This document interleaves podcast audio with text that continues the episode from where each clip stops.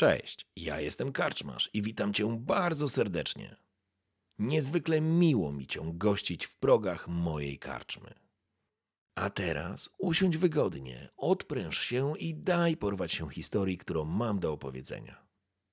A jeśli spodoba Ci się to, co usłyszysz, zawsze możesz rozważyć wsparcie mnie za pomocą patronite.pl. Link znajdziesz w opisie. Życzę miłego słuchania. Oby nam się!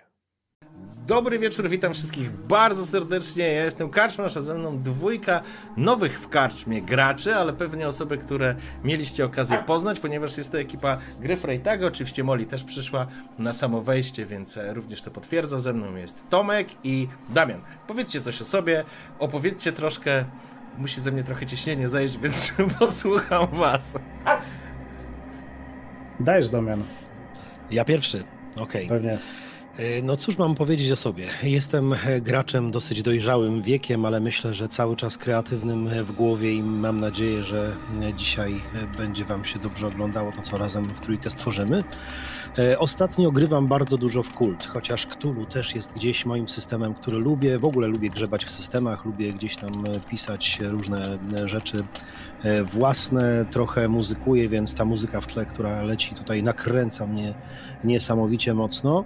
E, Właściwie online zacząłem grać e, od momentu e, pandemii i tak właściwie po kolei, po kolei wkręciłem się w to, że teraz gram razem z Tomkiem w, w grach Freitaga. Jesteśmy tam razem 11 osób, jestem jedną z nich, więc bardzo się z tego cieszę i bardzo się z tego cieszę, że właśnie u Karczmarza, od którego właściwie, no muszę to powiedzieć teraz na, na naszej antenie, od którego zacząłem oglądać streamy e, w momencie, kiedy pandemia się zaczęła, no jakieś koło się dla mnie zamknęło i jestem mega pod, podekscytowany, bo właśnie twoje, e, twoje streamy z Wiedźminem zacząłem oglądać jako pierwsze, więc ach, ekscytacja jest we mnie nieprzeciętna. Mój poziom Czuję się bardzo- teraz wzrasta w ciągu geometrycznym. Czuję się bardzo kultowo dzisiaj, mam nadzieję, że dostarczę też dużo, dużo kultowych emocji e, na dziś w dzisiejszej sesji. O, dużo rzeczy powiedziałeś też o tym, między innymi, że jest nas jedenastka. Pozdrawiamy wszystkie pozostałe dziewięć osób. Pozdrawiamy też wszystkie osoby, które właśnie usiadły i będą słuchać tej naszej dzisiejszej sesji. E, Z jednej strony czuję stres, z drugiej ekscytację i też no, takie zajaranie tym, że mogę zagrać e, i, i z Damianem, któremu bardzo często prowadzę, ale też z Karczmarzem, którego słucham od czasu e, Wuhan i tej e, solówki kultowej, która moim zdaniem wymiata, jeżeli chodzi o kwestię internetu. Zaraz powiedzą, że tam liżemy się, że to jest takie, wiecie, ale po prostu jeżeli chodzi o polski internet i kult, no to oczywiście e, te, e, te sesje, które Wojtek Tremiszewski w ramach kampanii realizuje, ale solówka to, to było po prostu coś takiego, co jak dobry audiobook, jak dobra książka, naraty, po prostu sobie to rozłożyłem, bo nie da się tak w jednym posiedzeniu. Pewnie są tacy, ale lepiej sobie to dozować. E, Pamiętam, że e, też właśnie e, moja Kasia się Czuję, też się wkręciła rumienie wtedy. po prostu, nie? Moja Kasia się też wkręciła słuchając tego. A co o sobie? Na co dzień prowadzę, prowadzę RPG, głównie ostatnio Kult, Zew, ale też jakieś inne systemy, tajemnice pętli między innymi. E, Lubię emocje w RPGach, lubię wyzwania, lubię kiedy gracze i graczki rozwalają mi całkowicie koncepcję mojej gry i kiedy musimy z tych różnych elementów poskładać coś, co przyniesie na koniec uśmiech na twarzach, po prostu zajaranko i wyczekiwanko do kolejnej sesji, także chyba tyle o mnie. Super, dziękuję za bardzo miłe i ciepłe słowa, to naprawdę budujące, chociaż tak jak powiedziałem teraz poziom, poziom stresu, e, żeby nie zawieść oczekiwań e, wzrósł w ciągu geometrycznym, ale mamy jeszcze chwilę, żebym złapał też oddech, także witamy wszystkich bardzo serdecznie, którzy dotarli na czat i przepraszam na stream i są i na YouTubie i są na e, Twitchu, oglądamy e, w tym samym czasie, że tak powiem jest stream w tym samym czasie, jest oczywiście również Egon i Egon będę Ci prosił o tradycyjną ankietę na przerzut lub brak przerzutu dla poszczególnych graczy. E, będzie Tomek i będzie Damian. E, założenia są takie, że Czat głosuje, można głosować e, normalnie głosować, można głosować za punkty kanału, można również nawet jeżeli ma ktoś ochotę bitsami głosować. Ważne jest to, że ten wynik przekłada się dla gracza na coś dobrego, albo właściwie no, mm, zawsze boli ta potencjalna szansa, którą można uzyskać, dodatkowy bonus, ale w gruncie rzeczy, jeżeli będzie negatywny, to nie ma jakiegoś negatywnego odbioru. E, przerzut jest dedykowany waszej postaci, więc nie możecie sobie jej przekazać. Wykorzystujemy ją na sesji, więc e, nie trzymamy jak w starych RPGach wszystkich podków na ostatnią walkę, której okazuje się, że bez problemu można było to zrobić, więc jeżeli będzie potrzeba, to zapraszam. Pierwsze, czy Marko się nakręci? Przerzut, przekręci, brak przerzutu. Leci sobie ta ankieta, można głosować. E, Egon na pewno wrzuci na mm, Twitchu linkę do tego na czacie, także wszyscy, którzy są na YouTubie, zapraszam, żebyście zagłosowali. Wiem, że przedłużam, ale to dlatego, że muszę rozładować i się rozgadać i trochę, i trochę muszę pogadać, żeby było mi łatwiej e, wejść dalej, więc e, tym bardziej tym bardziej witam wszystkich raz jeszcze. I jeszcze raz mogę powiedzieć, no że coś chłopaki powiecie o sobie. Nie, dobra, okej. Okay. Już wszystko, wszystko jest okej, okay, także niech sobie jeszcze poleci ta ankieta e, i przejdziemy później do ankiety dla Tomka. Okej. Okay. Słuchajcie, e, ja myślę, że e, czat jeszcze tylko prośba, dajcie znać, czy z muzą i poziomami głośności jest ok. Um, I to będzie istotne. Bo tak, żeby. Nie... Jest git. Jest git, tak, jest ok. No dobrze, słuchajcie, no to co? Gotowi, szanowni gracze? Jak najbardziej. Okej. Okay. Dobrze, że chociaż ktoś. E, I teraz słuchajcie, zaczynamy, zaczynamy, zaczynamy zabawę w kult. Mm, ważną rzeczą jeszcze tylko, zanim zaczniemy, nasi gracze są bohaterami śpiącymi, czyli ich bohaterowie jeszcze nie są przebudzeni, nie mają świadomości, że coś jest nie tak, chociaż mają bagaż e, swoich doświadczeń, który za nimi się ciągnie i myślę, że uda nam się to przedstawić na dzisiejszej sesji albo na nadchodzących. W każdym razie. Mamy lipiec 2020 roku. Neapol, Włochy. Miejsce, które w Europie było najtragiczniejszym symbolem pandemii COVID-19. To wszystko zaczęło się w Chinach, ale jeżeli chodzi o Europę, to żaden inny kraj, przynajmniej na tym etapie, nie odczuł pandemii tak mocno i znacząco jak Włochy. Również to odbiło się na Was, Leo i Marco na waszych bliskich, na osobach, które znacie, na waszych przyjaciołach, właściwie na całych Włoszech. Jesteśmy już w lipcu, więc tak naprawdę od miesiąca mm, zostały ściągnięte ogólnonarodowe restrykcje, założone oczywiście w ramach walki z, mm, z COVID-em tylko sobie jedną rzecz. O właśnie. Giuseppe Conte 3 czerwca ogłosił, że zostały zakończone restrykcje związane z przemieszczaniem się. Jest koniec blokady kraju, które musimy mieć wszyscy świadomość, trwała od marca. Dla Was to również był ciężki okres z wielu różnych powodów, przede wszystkim pracy. Wszyscy lecą na oparach albo już na kredytach. Każdy z Was słyszał o osobach, które. Mm, które odeszły ze względu na COVID. Oczywiście znowu przegapiłem wynik ankiety, ale dzięki jego. A nie, mamy. Przepraszam. 68% przekręci Marko, czyli brak przerzutu. Użytkownik Jawi przekazał 1125 punktów kanału, e, najprawdopodobniej na brak przerzutu, czyli utrudnienie. Oczekują, oczekuje czat krwi. Zobaczymy, co będzie dalej. Znaczy w cudzysłowie oczywiście krwi i będziemy czekać na e, Tomka tutaj wszyscy jakoś tak bardzo... Buczo, y, ten, który tak y, kozaczy, będzie u ciebie Tomek grał w kult, więc tak przy okazji e, będziesz mógł się odegrać, jakby co, bo będziesz wiedział o kogo chodzi, nie? E, poczekamy. Także poczekamy. E, także wracając. Włochy, trochę krajobraz po wojnie, ale od miesiąca świat odżył. Przynajmniej Włochy. Przynajmniej tutaj czuje się, że no wszyscy są spragnieni każdy z nas odczuwał to dokładnie w wakacje w ubiegłym roku w Polsce, ale tak samo było również we Włoszech. Tam się troszeczkę wcześniej to zaczęło, rozluźnianie, ale to było niezwykle istotne, bo można było w końcu odetchnąć. Znajdujecie się w niewielkiej kawiarence w porcie, popijając espresso. Miłe miejsce, można spojrzeć na przepiękną panoramę Zatoki Napoleońskiej. Siedzicie tam we dwójkę. Nie wiem, czy wasze postaci palą, czy nie, ale to za chwileczkę usłyszymy. Opiszcie się, jak wyglądają wasze postaci. Marko jest czarnoskórym, a Marko, e, Leo, chciałem już e, opisywać naszego Marko. Leo jest czarnoskórym mężczyzną, przystojnym, noszącym się raczej schludnie, ale też w takim konkretnym, modnym szyku. Nie ma jakichś ozdobników specjalnych, raczej jest to szarość, ewentualnie beż i kolor czarny. Zdecydowanie kolor czarny, bo on zarówno pokrywa jego skórę, jak i okulary, jak i e, płaszcz, który nosi na sobie. Jest mężczyzną, który, kiedy patrzycie na niego, to zdaje się być samotny, zdaje się być pogrążony w myślach.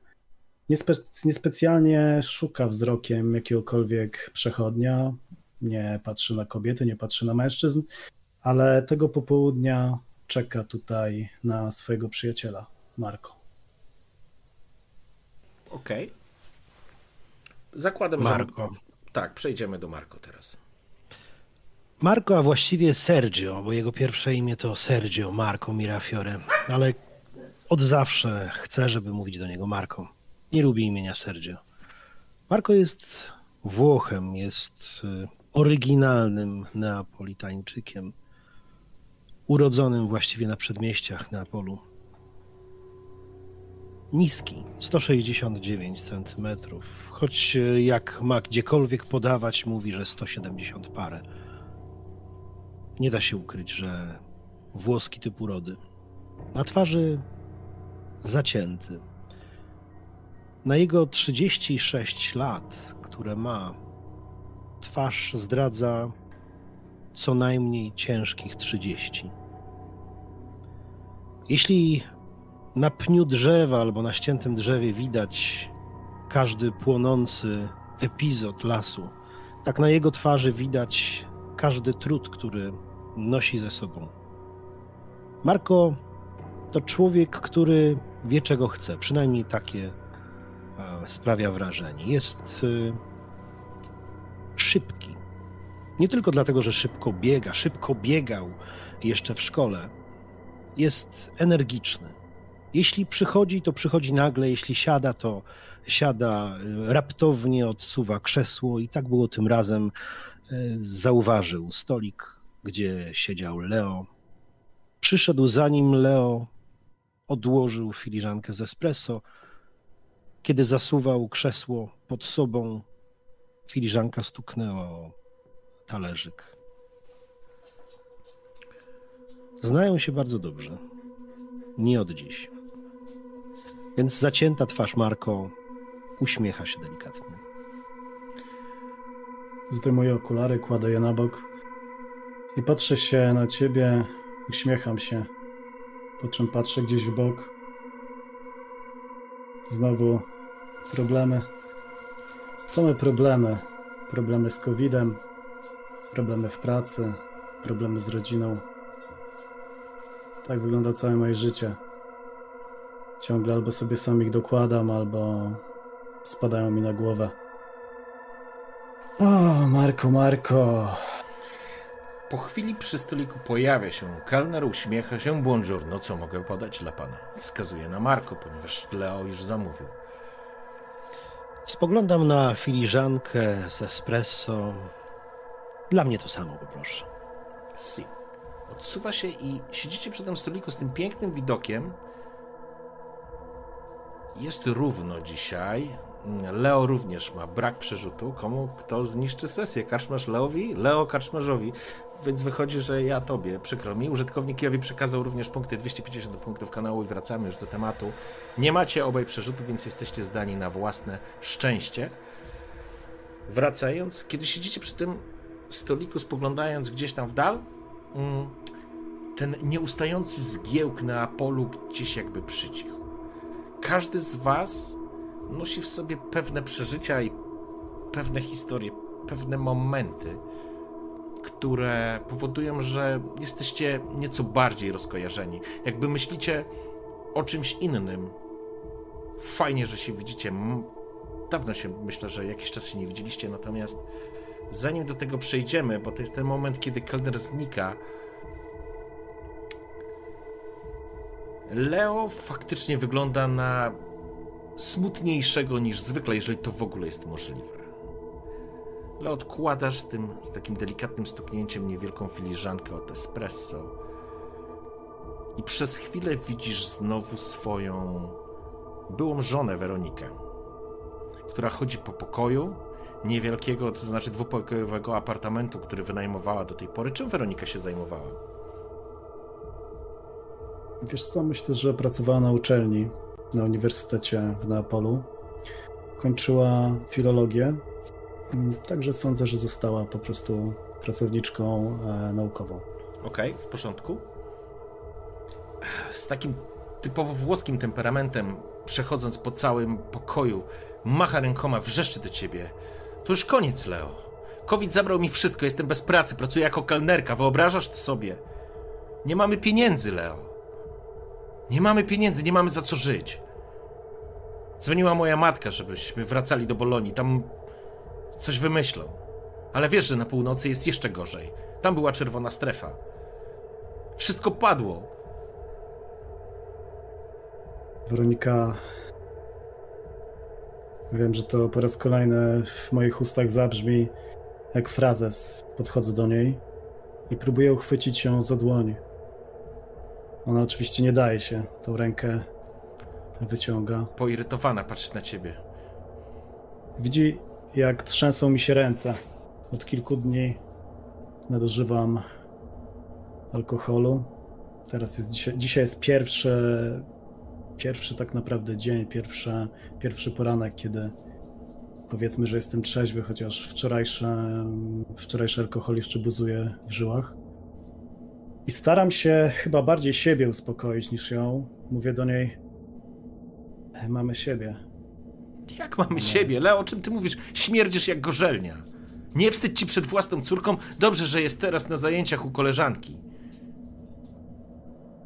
Leo, spójrz na siebie, co się z tobą dzieje. Ja wiem, że dla ciebie już nic nie znaczy, ale. To jest nieprawda. W ogóle w ten sposób nie mów.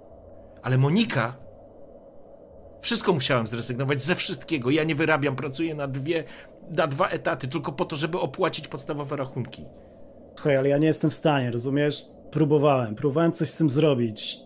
Poszedłem pogadać z jednym gościem, który wysyła ludzi na odwyk, ale ale jak pokazał mi całą tą papierologię, jak widziałem, jak zwraca się do mnie, nie chce mnie wysłuchać tak naprawdę.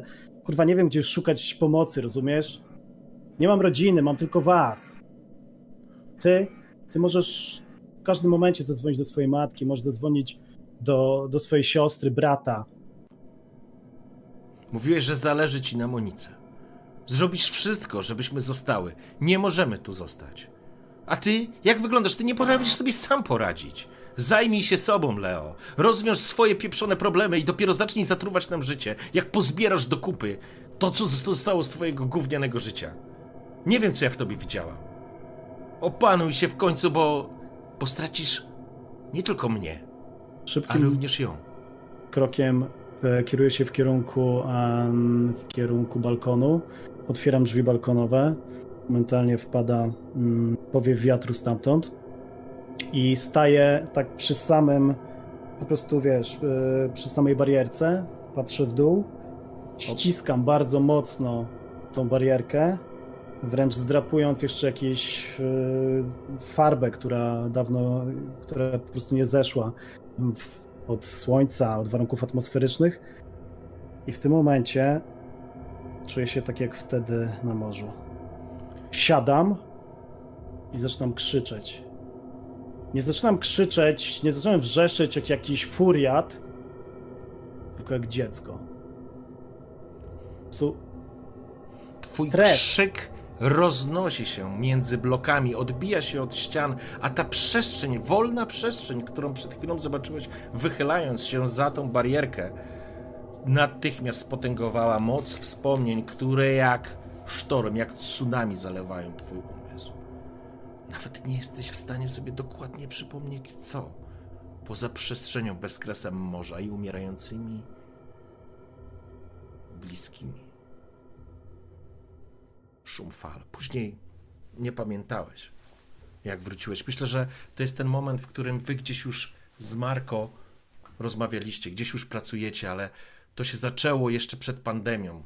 To wszystko zaczęło się układać, później pandemia przyszła, wszystko rozpieprzyła, znowu zostałeś sam. Ale nie spodziewałeś się, że Weronika straci pracę. A straciła. Jeszcze raz słyszysz delikatny stukot filiżaneczki od espresso uderzającej w spodek. Marko. Nie spieszy mi się, nie spieszy mi się, żeby. żeby mówić puste słowa, żeby wyciągać od Leo, który jest wyraźnie przygnębiony. Co tym razem? Cieszę się chwilą. Tak dawno nie byłem w jakiejkolwiek kafejce w Zatoce Neapolitańskiej. Przymykam oczy, czuję ten powiew delikatnego wiatru. To popołudnie i jeszcze jeden stuk filiżanki o spodeczek to tym razem moja kawa. Grację. Rzucam kelnerowi, popijam. Leo, Sebastiano o ciebie pyta. Doczekać się nie może. Aż przyjdziesz. Chcę przyjść, ale. Ale może być teraz ciężko. Ach, ciężko to już było, mam nadzieję. Mam nadzieję. Wiesz, chłopak przywiązał się do ciebie. Bardzo. A mi na tym bardzo zależy, żeby wiesz. Na tyle, na tyle, ile może, oczywiście. Nauczył się coś od ciebie jeszcze.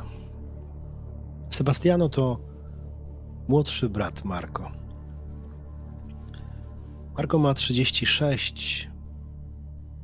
5 lat później, po urodzinach, Marco urodził się Sebastiano.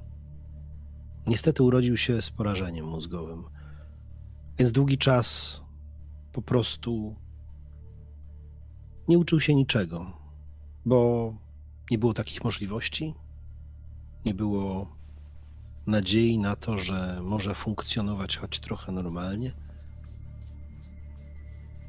Aż przyszedł czas, że to właśnie Marko, jego brat, za namową kolegi,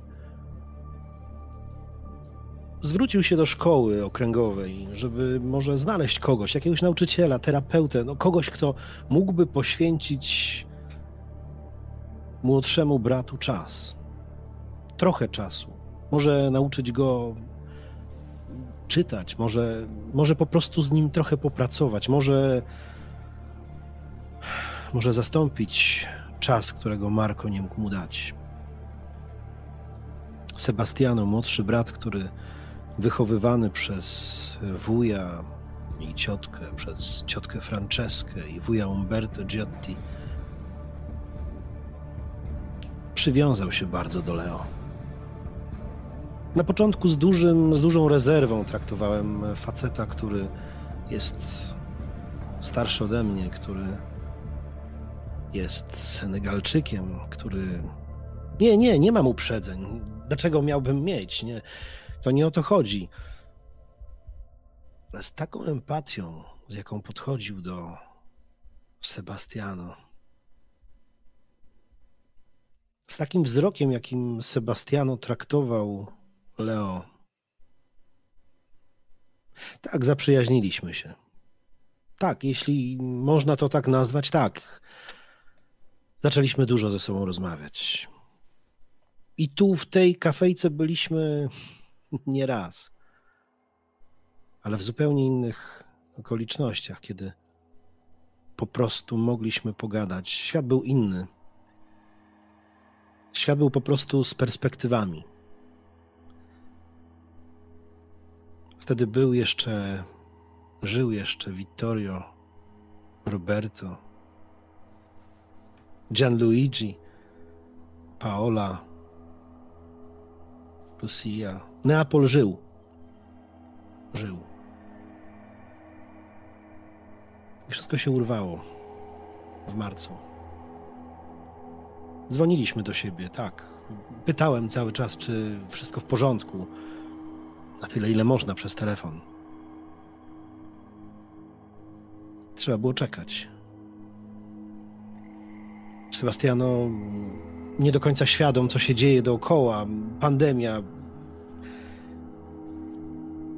Do tej pory pyta. Ma, Marko, gdzie Leo? Przyjdzie. Nie może teraz. Jest problem, sytuacja ciężka. Leo, naprawdę. Marko przyjdzie. Marko przyjdzie. e, Leo przyjdzie do ciebie. Leo po prostu nie może dzisiaj przyjechać. Jutro. Może pojutrze. I z tego zanurzenia w, w espresso i w powiewie neapolitańskiego wiatru z nad zatoki, jakby zanurzony w swoich własnych myślach, Marko budzi się jeszcze raz. Leo, trochę się rozluźniło. Mógłbyś. Mógłbyś przyjechać do nas.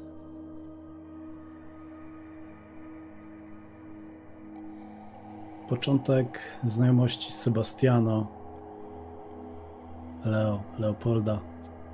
Sebastiano praktycznie od pierwszych minut to było to. Leo wiedział, że to nie będzie jedno spotkanie. Tak naprawdę po tygodniu zdał sobie sprawę, że czuje się przy Sebastiano tak jak czuł się przy swoich braciach, siostrach. I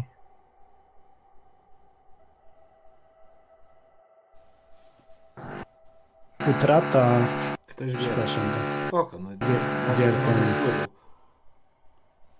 akurat dzisiaj nie wiercili już chyba z miesiąc. Skończył się lockdown.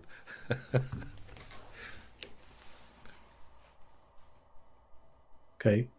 E, Sebastiano przypominał mu o rodzeństwie, licznym rodzeństwie Leopolda, którym relacje były bardzo różne, bo też był jednym z najmłodszych w całej rodzinie.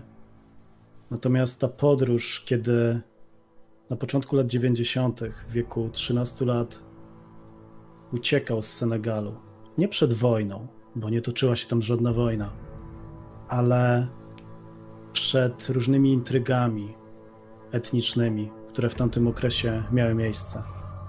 Między innymi przed tym, że rodzina Lemara, rodzina Leopolda, bo takie jest jego nazwisko, Lemar, została posądzona o współpracę z separa- separatystami. Wchodziło w to wszystko, wchodził w to wszystko konflikt religijny między chrześcijanami a muzułmanami. Do tego jeszcze różne wpływy plemienne. Mały Leo kompletnie nic nie rozumiał. I chociaż bardzo szybko dorósł, to dalej nie mógł się zgodzić na to, że ludzie, których wcześniej uważał za przyjaciół, ci, którzy mieszkali przecież za miedzą, z dnia na dzień przestali się do niego odzywać. Z dnia na dzień uważali go za śmiecia, gorszego zwierzęciu. Ojciec stracił pracę, matka również. Tam, gdzie tylko to było możliwe, rodzina przekazała Twoje dzieci w różne części Senegalu, także w różne części Afryki. Ale dwóch starszych braci Leopolda razem z siostrą za namową ojca postanowiło ruszyć ku lepszemu światu, bo tak o tym mówił ojciec. Chyba już wtedy Leo nie do końca wierzył, że jest coś takiego jak lepszy świat, bo jego świat runął w momencie, kiedy runęły jego przyjaźnie, kiedy runęło jego małe królestwo, w którym czuł się bezpiecznie, kiedy nie mógł już spojrzeć w oczy swojego dziadka, bo dziadek został przetrzymywany przez separatystów i już nigdy więcej go nie zobaczył. Kiedy jego siostra nie była już tak czuła dla niego, tak uważna, bo nie było na to czasu. Trzeba było uciekać.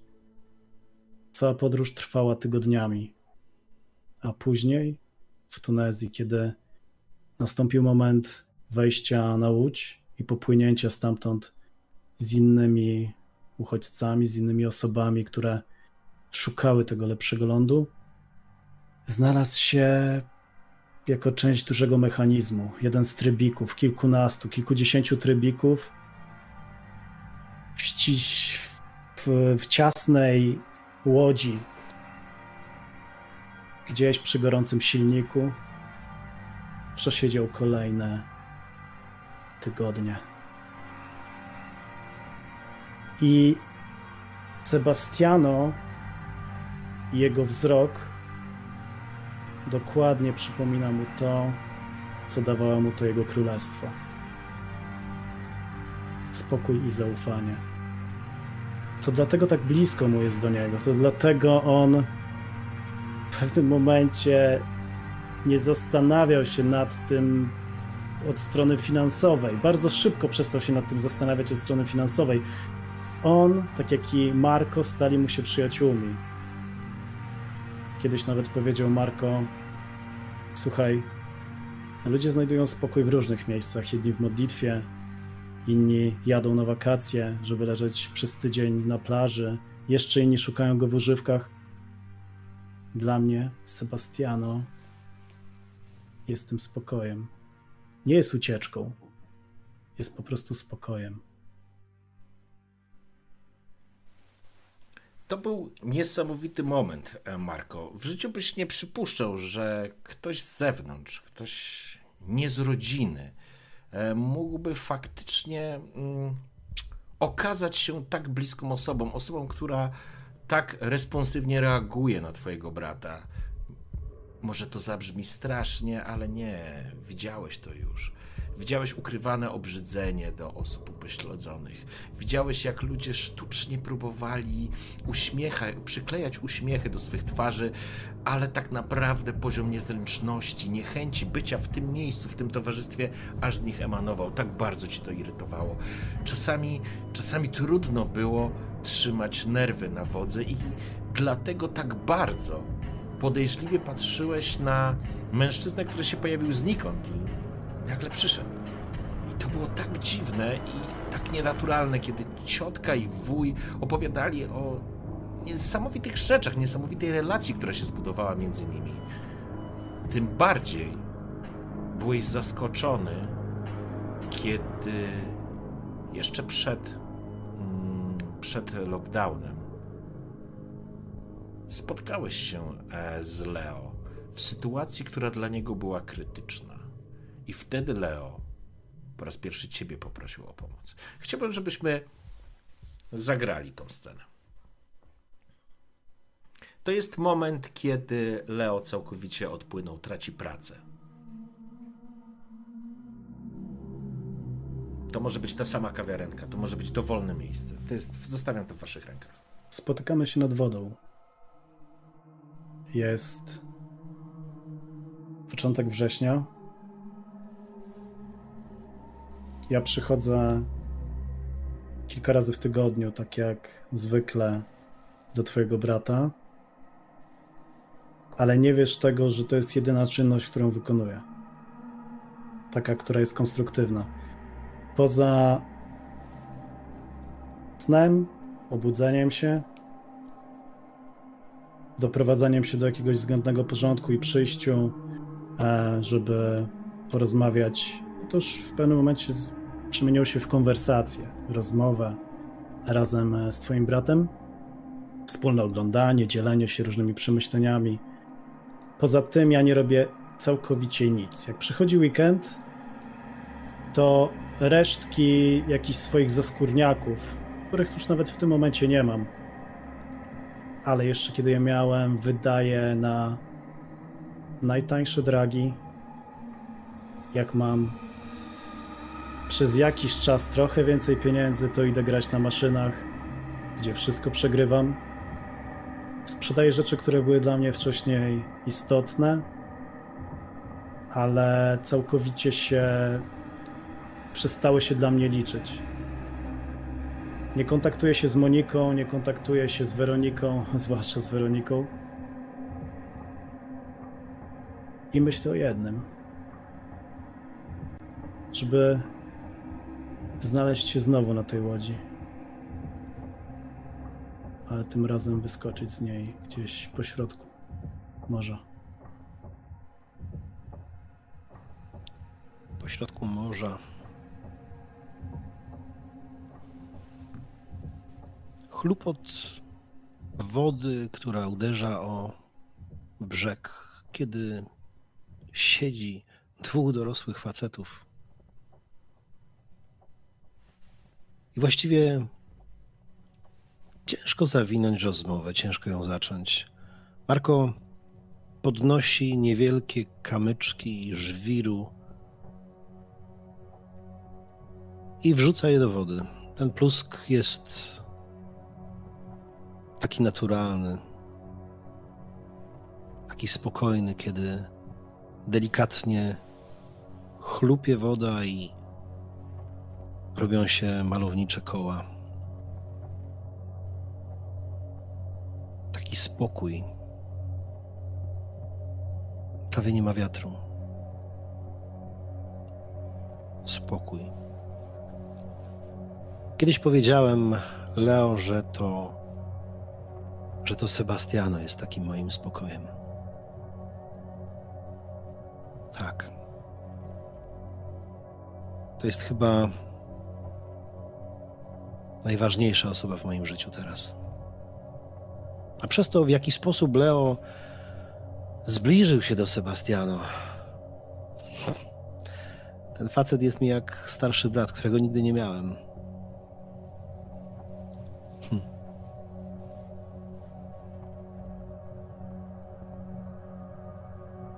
Tutto bene, Leo? Wszystko w porządku? Ten spokój, woda w tej chwili, burze, takie podskakujące kolano i nerwowa noga Leopolda. Dobrze wiesz, jak jest. E, Nie muszę ci nic mówić. Jest źle. Jest źle, jak chyba dotąd nie było. Ale co się dzieje? Przecież masz rodzinę, masz stabilną rzeczywistość. Chyba jesteś tu, gdzie chciałeś być. Co się Nie dzieje? mam Widzę, nic, że... rozumiesz? Nie mam nic.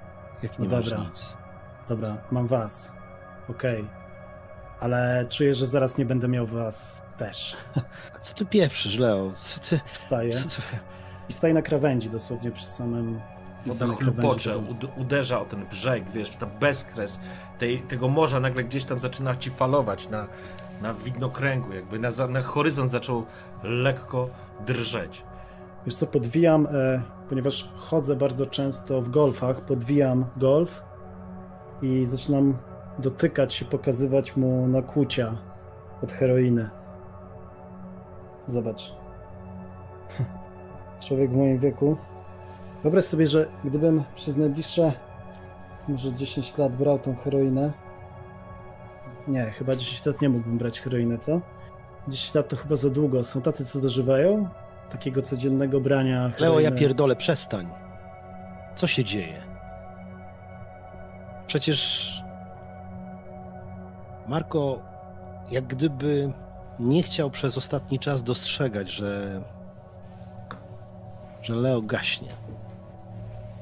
Że coś się dzieje nie tak, że całą swoją energię jak, jak do tej pory przelewał na Sebastiano, że spotykał się z nim, że, że Sebastiano cieszył się na każdą chwilę, każdą nową literę, każdy nowy wyraz poskładany razem z Leo, ale Leo zostawał coraz dłużej, jakby nie miał dokąd iść. Nie, nie przeszkadzało mi to. Dlaczego miało przeszkadzać? W końcu to miły facet. Mi się też bardzo dobrze rozmawiało z nim, ale dosyć mam swoich problemów, albo inaczej. No skoro nie mówi mi o problemach, to znaczy, że ich nie ma. Po prostu y, kształtuje swoje życie i gdyby chciał, to by pewnie powiedział. No przecież. Ale to on mnie poprosił dzisiaj. Postawny facet, który garbi się teraz nad tą wodą. Wygląda na dużo starszego. Jakby niewidzialna siła przyciskała go do piasku plaży. Madre di Dio, to jeden wielki problem. Ten facet to jest jeden wielki problem. Wstałem, podszedłem do przyjaciela? Tak. Tak, tak mogę powiedzieć. Jeśli mam jakichś przyjaciół, to jest ich niewiele, a na pewno pierwszym z nich jest Leo. Leo, do cholery, co się dzieje? Powiedz mi wszystko. Przecież nie możesz tak funkcjonować. Nie mogę. Jakby kontrapunkt. Miasto ożyło. Kiedy się spotykacie, macie wrażenie, że zamykacie się w pewnej bańce. Ten cały Neapol tak gwarny, tak szumny, tak chaotyczny w wielu miejscach. Tak, tak dziki. Zawsze przycichał, a teraz kontrapunkt. I cała seria trąbiących skuterów, dzieciaków, którzy wrzeszczą, wykrzykując coś, wymijają. Ktoś komuś ukradł, zerwał torebkę jakiejś turystce i pojechali gdzieś w dal, w tą hiszpańską dzielnicę z wąskimi uliczkami. Ten świat jakby się zatrzymał na, na chwilę waszej rozmowy i znowu ruszył. A Leo spoglądasz tak. Jest przy tobie Marko, jest szansa, bo twoje życie znowu w tym okręcie, w tym statku, gdzieś na środku morza, sam Jesteś znowu sam. I gdzieś, tam, na nabrzeżu, dalej, wśród ciemności, masz wrażenie wyłochodzącą, przygarbioną postać o takim opierającym się na kosturze, zwieńczonym koźlim łbem. Czarna skóra jak heban, jak twoja. Twarz jakby wypełniona farbą, taką popękaną farbą, która powoduje, że ta twarz robi się jeszcze starsza. Jakby obracała się do ciebie, wyciągając zakrzywiony pazur. Nie, to był moment. Słuchaj. Nie mam gdzie mieszkać. Nie mam nic poza tym, w czym stoję. Nie, nie pytaj, jak to się stało. Po prostu potrzebuję trochę czasu, żeby stanąć na nogi. A jak stanę na nogi, to potrzebuję jakiejś pracy. Jakiejkolwiek. Wiem, że znasz ludzi. Ja, szczerze mówiąc, wstydzę się spoglądać w oczy ludziom. Nostro Padre, ale czemu nie sygnalizowałeś wcześniej? Dlaczego, dlaczego o tym mówisz dopiero teraz, kiedy jesteś w totalnej dupie? No, Leo, no przecież Bo jestem znamy się. Lemar, rozumiesz? Jestem Lemar. Każdy z rodziny Lemar zawsze sobie radził. Zawsze. Do końca życia, chociaż życie naszych członków, członków mojej rodziny w wielu wypadkach było krótkie i tragiczne, to, to my już tak mamy. Mamy to w genach.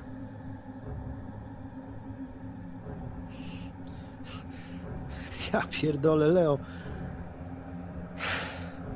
Nie no pewnie, oczywiście, no. Daj mi to wszystko w głowie ułożyć, bo Jasne. przyciągam, przyciągam go bardziej do siebie, tak po przyjacielsku, Też żeby poczuł tą, tą siłę i i próbuję ustawić sobie w głowie coś, co, co było dla mnie tylko iluzją, ułudą tego, że facet stoi twardo na nogach, że jest jakimś kolejnym filarem, na którym mogę oprzeć życie mojego brata, na którym mogę oprzeć swoje życie, bo w końcu jeśli nie ma mnie przy Sebastiano, jeśli nie mogę być, to mogę zawsze liczyć na Leo. Neapol brzmi skuterami, brzmi dziwnymi dźwiękami. Zabrzmiał w tym momencie gdzieś trudno powiedzieć, czy z daleka, czy z całkiem niedaleka, bo przecież woda niesie głosy otwartym, szeroko i zamaszyście oknem na którymś piętrze i kobiecym głosem. Un cretino, imbecile! I zastanawiam się, czy, czy to nie czasem o mnie? Czy to nie ja jestem kretynem, głupcem, imbecylem, który tego po prostu nie zauważył? A może. A może to Leo, który tak bardzo unosił się swoją męskością, żeby teraz stać w jedynych ciuchach, bez dachu nad głową, bez niczego? Kto jest imbecylem? Głos kobiecy zamknął się. A ja wiedziałem, że muszę się otworzyć. Muszę się otworzyć na tego faceta, który jest mi, cholera, jest mi bardzo bliski. Zupełnie jakbyśmy byli zupełnie z innych światów, ale jest mi teraz cholernie bliski. I odnosisz niesamowite wrażenie, że to znaczy masz przeczucie, że to jest ostatni dzwonek. Być może to Leo spowodował, że nie dał, to znaczy na pewno nie dał więcej czasu, ale czy tak naprawdę tylko Leo odpowiada za ten stan rzeczy? A czy może Marko, ty tak lubisz udawać, że czegoś nie widzisz? Coś gniecie cię w klatce piersiowej, ale lepiej tego nie widzieć. Może może jak zamknę oczy, to to zniknie? Może nie chciałeś widzieć, może było wygodniej, może byłeś pochłonięty pracą, a może uznałeś, że, że wszystko się ułoży. Ale tak, krzycząca Włoszka być może mówiła nie tyle o tobie, co o was.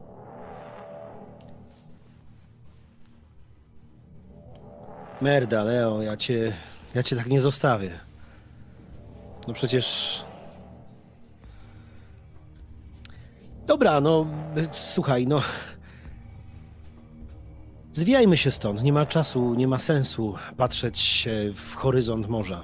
Po prostu zamieszkaj u mnie te parę dni. Coś wymyślimy przecież.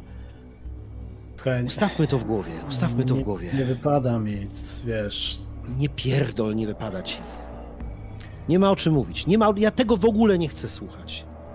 Leo, spójrz mi w oczy. Przyciągam go do siebie tak, żeby dużo wyższy ode mnie facet był naprzeciwko mnie. Leo, jesteś dla mnie ważny. Rozumiesz? Jesteś dla mnie cholernie ważny. Jesteś ważny dla mojego brata. Dobra, przestań, Ja- wariacie, wszystko już rozumiem. Zrobię tak, jak mówisz. Widzisz, że pojawia mi się łza. Pojawia się druga. Tak, a teraz jestem naprawdę Leo i będę kurwa płakał. Ale wiem, że płacz pomaga. Daj mi chwilę. Non się. Non się. Nie ma za co. Słuchaj. Twoje łzy mówią tylko tyle, że... A zresztą. Spoglądam w morze i Gdzieś ujada pies w tym całym zgiełku miasta, ale, ale to teraz nie jest najważniejsze dla was. Wtedy faktycznie Marko wyciągnąłeś rękę do Leo i po raz pierwszy e, Leo również odczułeś, że nie jesteś e, sam na tym cholernym świecie, a, a twoje przekleństwo i ta dziwnie wymalowana twarz staruchy gdzieś tam jeszcze z głębi Twojej historii rozpłynęła się w tym samym momencie, kiedy poczułeś, że obok Ciebie jest Marko. I ten moment, kiedy Marko po raz pierwszy w sprawie Leo stanąłeś przed Ciro de Caro, Twojego szefa, szefa agencji. Zakopcony pokój, pomieszczenie, szyby ubrudzone z, z żaluzjami, huczący gdzieś w tle.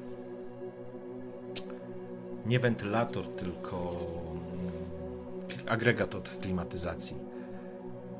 Ciaro, Ci, Ciro, przepraszam, to dosyć młody mężczyzna ubrany w białą koszulę, ma na sobie kamizelkę, taką popielatą, Delikatny zaros jest praktycznie łysy, pali papierosa za papierosem. Marko, przyjacielu, witaj! Dawno ci nie było. Co u ciebie? Opowiadaj. Wychodzi za biurka od razu, wiesz, obejmuje cię, przytulając. Dobrze cię widzieć. Dobrze cię widzieć. E, U mnie wszystko w porządku. e, Chyba. Bueno, bueno. Chyba? A co u Sebastiano? Porządku? Sebastiano, w porządku, bardzo. Powiem ci, że e, ten pomysł, który podrzucił mi Roberto, żeby znaleźć jakiegoś terapeutę, no wiesz, nauczyciela, żeby, żeby Si, gościa si. trochę. To był dobry pomysł. Wiesz, znalazłem e, fajnego człowieka. Przyjaźnimy się od kilku lat. No i ja właśnie, wiesz, chciałem porozmawiać e, z tobą w tej sprawie. Ja wiem, no. To, to trudne, wiesz, bo Marko, jesteśmy rodziną. Mów, mów o co chodzi. Znamy się nie od dziś. Słuchaj, no mam problem i, i może ty mi go pomożesz rozwiązać. Zresztą no, ufam, ufam, że, że może coś wymyślisz, wiesz, e, Ciro. Znam faceta, Leo.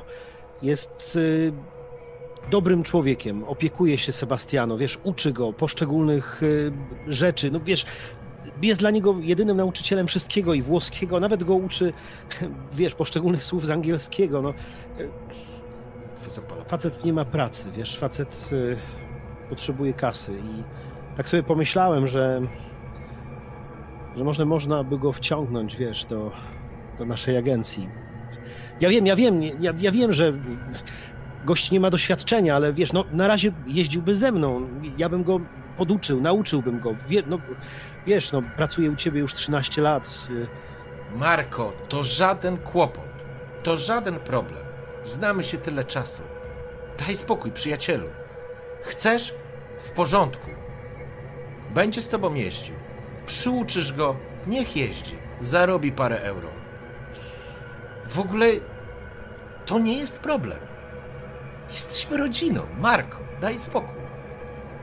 Jestem ci wdzięczny, wiesz, no ja w ogóle jestem ci wdzięczny, bo strasznie dobrze mi się tu pracuje. No wiesz, 13, 13, tak, 13 rok jestem tu z, z tobą. Marko, Kurczę. przestań. To nie jest żaden kłopot. Daj spokój. Wszystko jest w porządku. Uznaj sprawę za załatwioną. W ogóle to żaden kłopot. Musisz oczywiście go przyuczyć. Jeżeli jest kumaty, to dacie sobie radę. W ogóle to nie jest żaden... Uznaj sprawę za załatwioną. Jezu. Maria. Grację. Naprawdę jestem ci cholernie wdzięczny, naprawdę. Ja, wiesz co, y, dobrze byłoby, żebyś go poznał, żebyś, go, żebyś wiedział, wiesz, kto u ciebie pracuje. Ja, Marko, ty powiedziałeś, że facet jest w porządku. Dla mnie to wystarczy. Casa finita. W ogóle nie ma tematu. Obejmuję cię. Daj spokój. obejmuję go i czuję, że. że ten facet jest mi naprawdę. Nie, trudno powiedzieć o nim przyjaciel. To jest mój szef i nadal będzie szefem, ale cholera jestem mu wdzięczny. Za wiele rzeczy jestem mu wdzięczny. A dziś kolejny raz jestem mu wdzięczny, bo to jest taki łańcuszek. Jeżeli ja będę pracował u niego i pracował dobrze, jeżeli Leo będzie czuł się dobrze, to Sebastiano. Dzięki, Ciro. Poklepując go po plecach, odsuwam się. Bardzo ci jestem wdzięczny, naprawdę. Uśmiecha się. Nie ma problemu. Bueno, bueno. Wzdycham ciężko i zamykając e, za sobą drzwi, najpierw bardzo oficjalnie mówię arrivederci i, i właściwie gryząc się w język zmiękczam to ciao, Ciao. ciao Ciro. Ciao, Marko.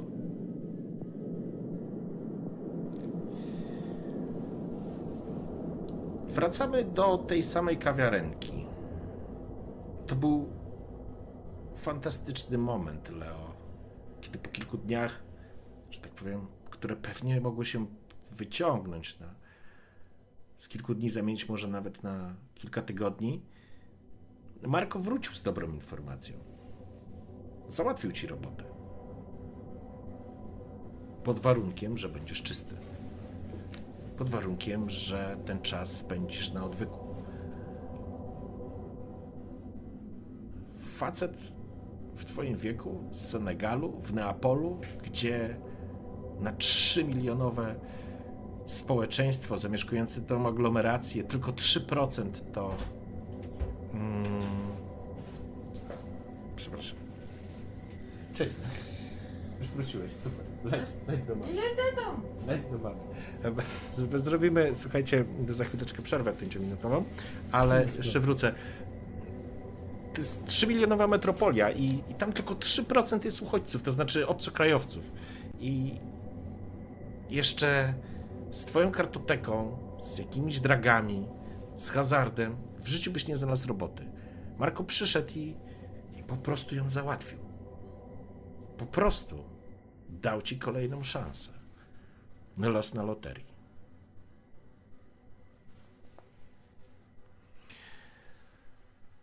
Możemy Chłopie. wrócić do tego momentu, tak. Przyjacielu,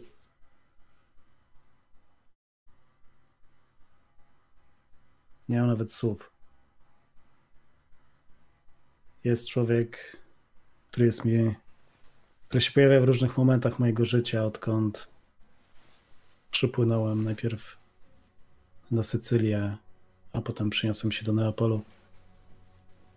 Mówiłem ci kiedyś o nim. To starszy już gość.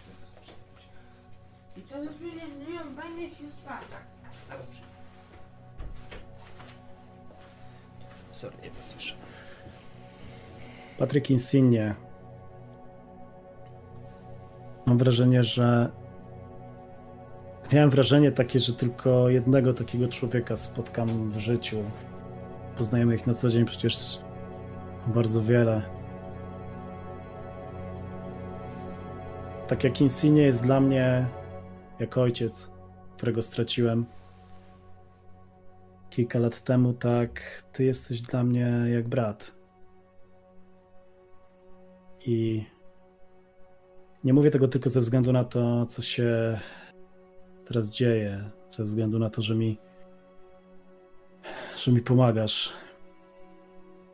Chciałem ci to wtedy powiedzieć, tam nad, nad wodą.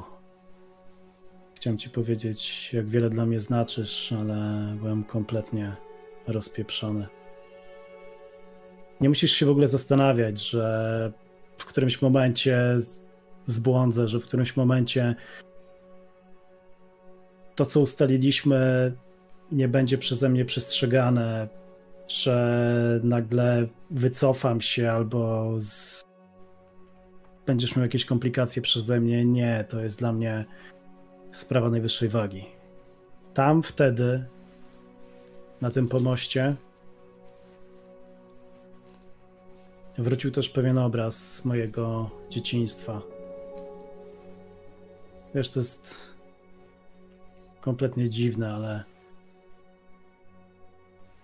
kiedy miałem 11 lat, to kobieta starsza, nazywana w naszej społeczności wiedzącą, w waszym języku szamanką,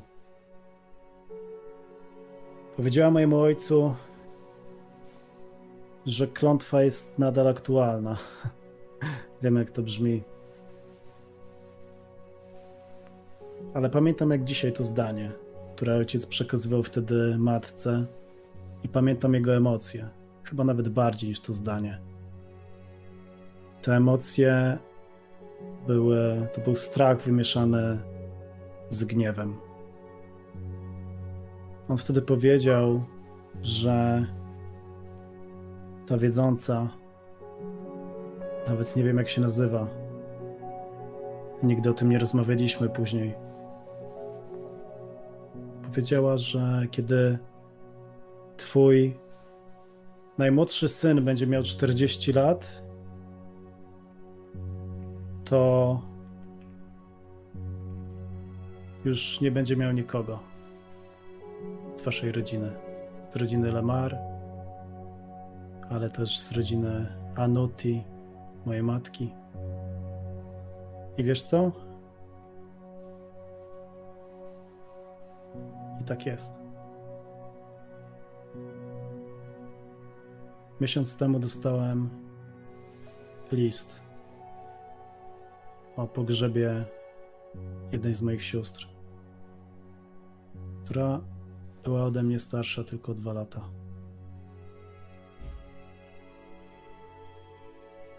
W sumie umarło 16 osób.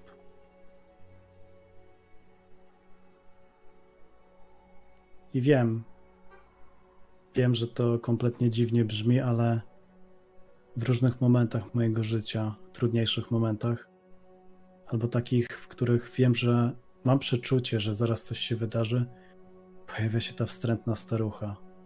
Pojawia się w koszmarach, pojawia się w twarzach przechodniów.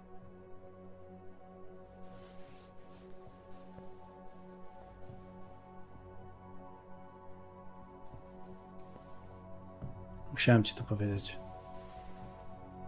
Wiesz chyba o mnie wszystko już.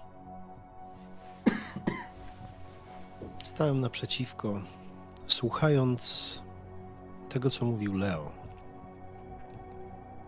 Zwierzenia, może spowiedzi, może po prostu kawałka życiorysu, którego wcześniej nie znałem. Jakiejś mozaiki, którą trzeba było dołożyć do tego, co już wcześniej wiedziałem o tym cholernie sympatycznym Senegalczyku. Ja pierdolę, on ma życie chyba bardziej pokręcone niż ja. A może, a może dlatego jest nam tak blisko, że że razem mamy totalnie popieprzone życie. Kiedy mówił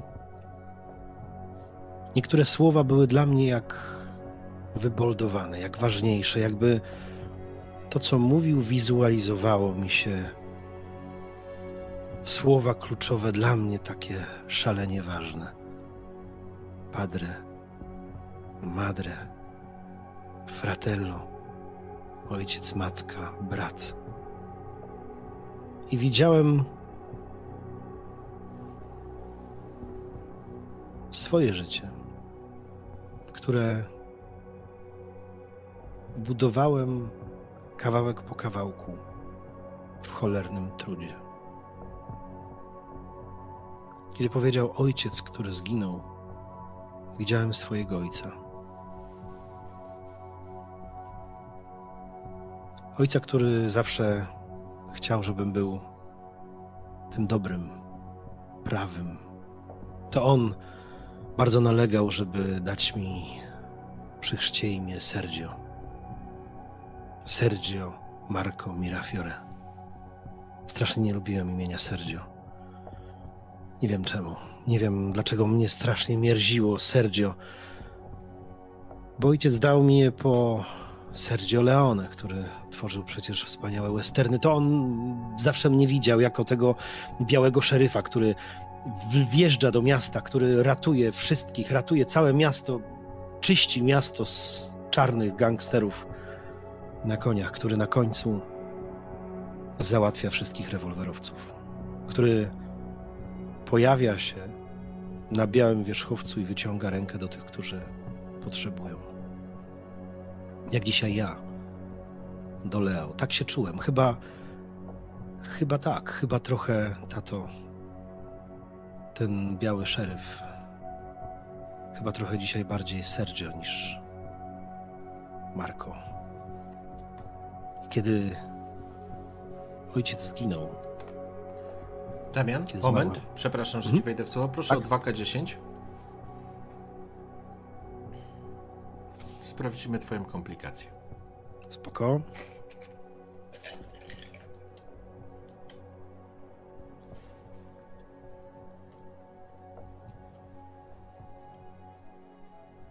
Siedemnaście. Okej. Kiedy wspomniałeś o ojcu, kiedy przypomniał ci się ojciec. Kiedy Przez- przypomniał mi się ojciec, tak. Przypomniał mi się ojciec, który zawsze chciał, żebym był tym prawym, tym. tym dobrym. A jednak w wieku 13 lat karabinieri przyszli do naszego domu. Po trzech dniach, kiedy ojciec nie wrócił. I powiedzieli, że został znaleziony w kanale. Że że wypłynął niedaleko Marianelli z workiem na głowie, ze związanymi rękoma i nogami. Ponoć miał jakieś kontakty z neapolitańską mafią. Pożyczał pieniądze, bo nam się nie przelewało. Dla nas, dla, dla Sebastiano, młodszego brata, dla matki Julie Izabeli, która nie wytrzymała bez ojca. Całe noce płakała. Słyszałem, jak płacze, jak wyje, jak, jak nie może sobie z tym poradzić. A trzy miesiące później zostałem sierotą. To ja znalazłem matkę w łóżku z zapadniętymi oczami, jak wypłakanymi. Z ojcem, z ojc, ze zdjęciem ojca w dłoni. I wtedy naprawdę stałem się dorosły. Wtedy. Wtedy musiałem przejść ten pierwszy krok dorosłości. Zacząłem pracę. Chciałem, żeby ojciec, mimo że już tego nie widzi, żeby był ze mnie dumny. Zajęła się ciotka Francesca i wuj Umberto Sebastiano, żeby, żeby mógł pracować, żeby mógł po kilkanaście godzin być najpierw jak roznosiciel gazet, kurier, a potem listonosz. Rozwoziłem pocztę, byłem szybki, zawsze byłem szybki. Byłem cholernie szybki.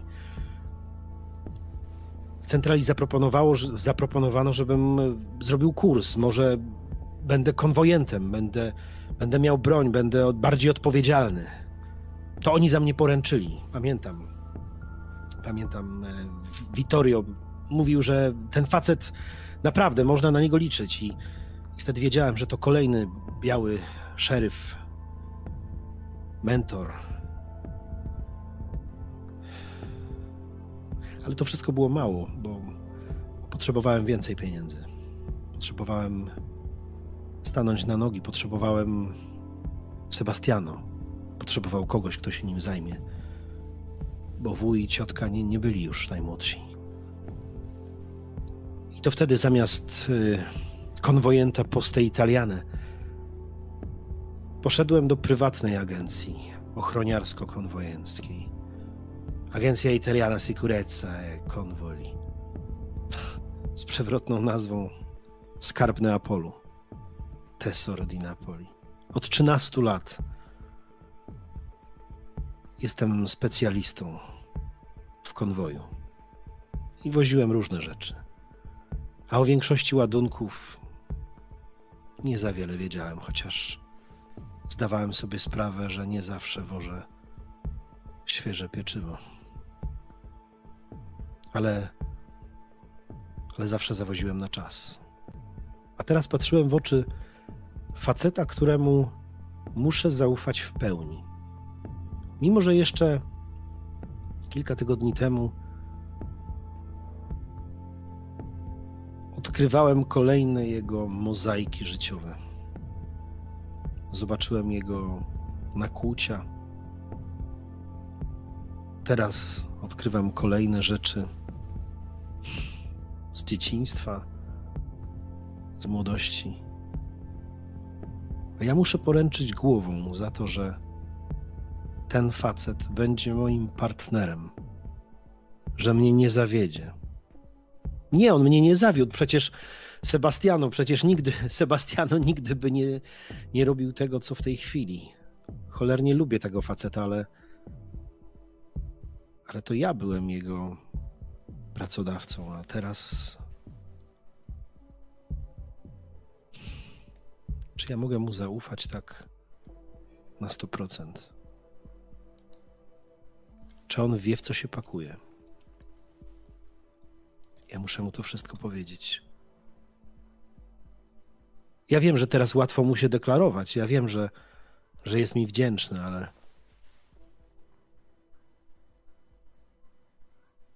Czy ja rzeczywiście dobrze robię?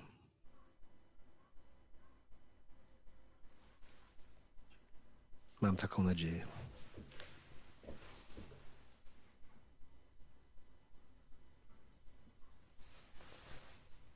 Pytanie jedno. Z tych wszystkich przemyśleń, z tego wszystkiego, co opowiedziałeś teraz e, o Marko, ile z tych informacji trafiło faktycznie do Leo w momencie, kiedy on opowiedział ci, że tak powiem, odkrył wszystkie swoje karty z przeszłości, albo przynajmniej tak się zachowywał, jakby odkrył te karty?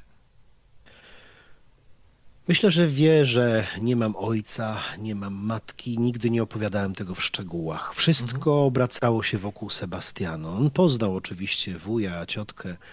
Wiedział, że gdzieś e, były jakieś komplikacje, wiedział o mojej pracy. Od 13 lat jestem w tej samej pracy. On wie, że jestem konwojentem, wie, dużo wie, ale, ale to była relacja przyjacielska i tyle, co chciałem powiedzieć, powiedziałem. Okej, w porządku. To był w każdym razie dobry dzień.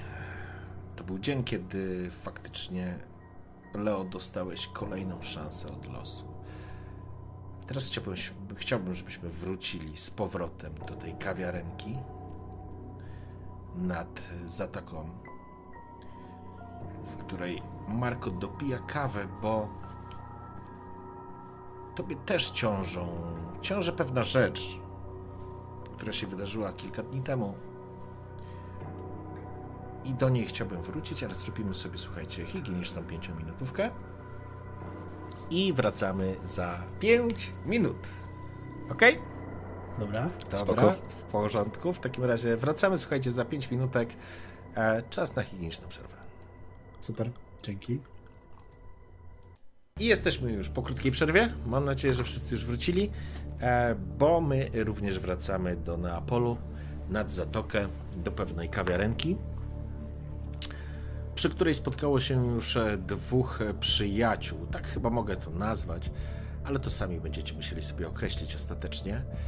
Bo tak jak e, Leo faktycznie spotkanie z e, Wiktorią, Weroniką, przepraszam, mm, to świeży temat. Myślę, że nawet temat z dzisiaj to jest to jest ten moment, kiedy tak naprawdę wiele osób zaczyna po tej pandemii próbować się odbić, odkuć, zrobić cokolwiek. E, większość ludzi na oparach po prostu leciała i sama wizja, że możesz stracić tą rodzinę, twoją własną, która się po prostu przeniesie się na północ. Em, z jednej strony jest nawet pokrzepiające, biorąc pod uwagę twoje przeżycia z przeszłości, jakby to, całe fatum, to całe przekleństwo, które rzekomo się za to ciągnie za twoją rodzinę, ale z drugiej strony z pewnością Leo odczuwa to jako utratę czegoś bardzo ważnego i tak jak on zresztą powiedział, on dalej kocha swoją żonę, ale szaleńczo jest zakochany w swojej córce i, i to jest ta jego potężna, potężny dysonans, w którym się znalazł. Musi się teoretycznie trzymać z daleka, żeby one mogły się czuć bezpiecznie, a może to tylko opary twojego własnego szaleństwa, Leo. Niemniej, niemniej jednak potrzeba gotówki, pieniędzy i to większych pieniędzy, również jakby dotknęła ciebie w tej świadomości w przeprowadzenia się twojej części rodziny, to znaczy części byłej żony oraz córki, na północ, ale Marko, który zdecydowanie stabilniej finansowo stał, również ostatnie dni są dla ciebie trudne. Są dla ciebie trudne, ponieważ odwiedziłeś swojego, swoje wujostwo, Franceskę i Umberto, wuja Umberto oraz Sebastiano, który z nimi żyje. Jest trudna sytuacja, bo COVID położył twojego wuja. On jest już starszą osobą. Było duże ryzyko, że nigdy się już nie obudzi, że nie wyjdzie z tego szpitala. Ale wyszedł. Jakimś cudem wyszedł. Natomiast komplikacje po chorobie są poważne. Czas na, na rekonwalescencję, czas na rehabilitację. Twoja ciotka siedzi w takiej, w kuchni w tego, tego, tego domku. Nie domku, myślę, że to jest jakieś mieszkanie. Może na parterze, z pewnością na parterze ze względu na Sebastiano. A oni po prostu mieszkali na parterze, to nieistotne. Twój wuj leży w ich sypialni. Siedzicie tak naprawdę we dwójkę. Twoja ciocia, Franceska, jej jej spalona słońcem e, skóra pomarszczona, ale takie bardzo żywe, żywe włosy, żywe oczy. Pali papierosa, trzęsie jej się ręka. Marko jest bardzo źle. Sumberto. On potrzebuje mnie cały czas. Sebastiano mnie też potrzebuje. Kocham go, wiesz o tym. Ale ta cała cholerna epidemia wykończyła nas. Potrzebujemy pomocy, Marko. Potrzebujemy. Zresztą pomagasz nam już od lat. Potrzebujemy pieniędzy na opiekunkę. Na kogoś, kto przyjdzie, kto, kto pomoże mi z wujem. Już nie mam siły go obracać. Kwestia odleży, no, jest nieprzytomny przez większą część dnia. To naprawdę trudne, bo. bo ja sama nie daję rady. Bardzo mi ciężko. Nasze oszczędności stopniały. Ja nie pracuję. Umberto również. Raczej już do pracy nie wróci.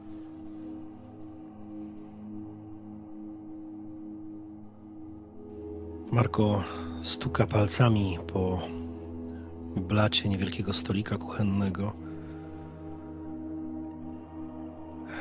I każde z tych słów uderza go coraz bardziej, coraz mocniej. Bo te miesiące ostatnie pandemii można było jeszcze prześliznąć na tym, co zarobił wcześniej.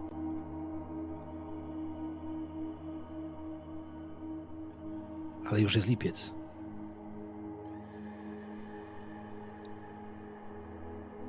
I czeka z niecierpliwością, aż Chiro zadzwoni. Że wracamy, że robimy, że, że już możemy. Do cholery nie mam z czego, nie mam z czego więcej dać ciotce. Wuj jest rzeczywiście w kiepskim stanie.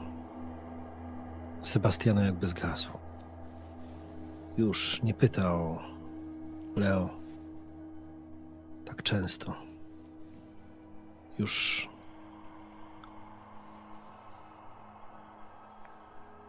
Jezu Maria, cały, cały świat się pozmieniał, cały świat jest do dupy. Ale to ja muszę znowu na białym koniu, a nie mam z czego.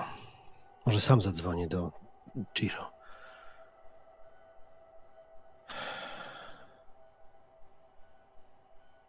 Mi dispiace, ciociu. Przepraszam, ale nie mam w tej chwili z, czego. Ja to, co mogę, to daję. Wiesz dobrze. Marko, Ja Marko, ja wiem. Ja wiem. Ale jesteś dla mnie jak rodzina, więc rozmawiam z tobą jak z rodziną. Marko chwycił wsz- dłonie. Wszystko. Ale chcę, żebyś wiedział, że potrzebuję pomocy. Marko, ja już nie daję rady.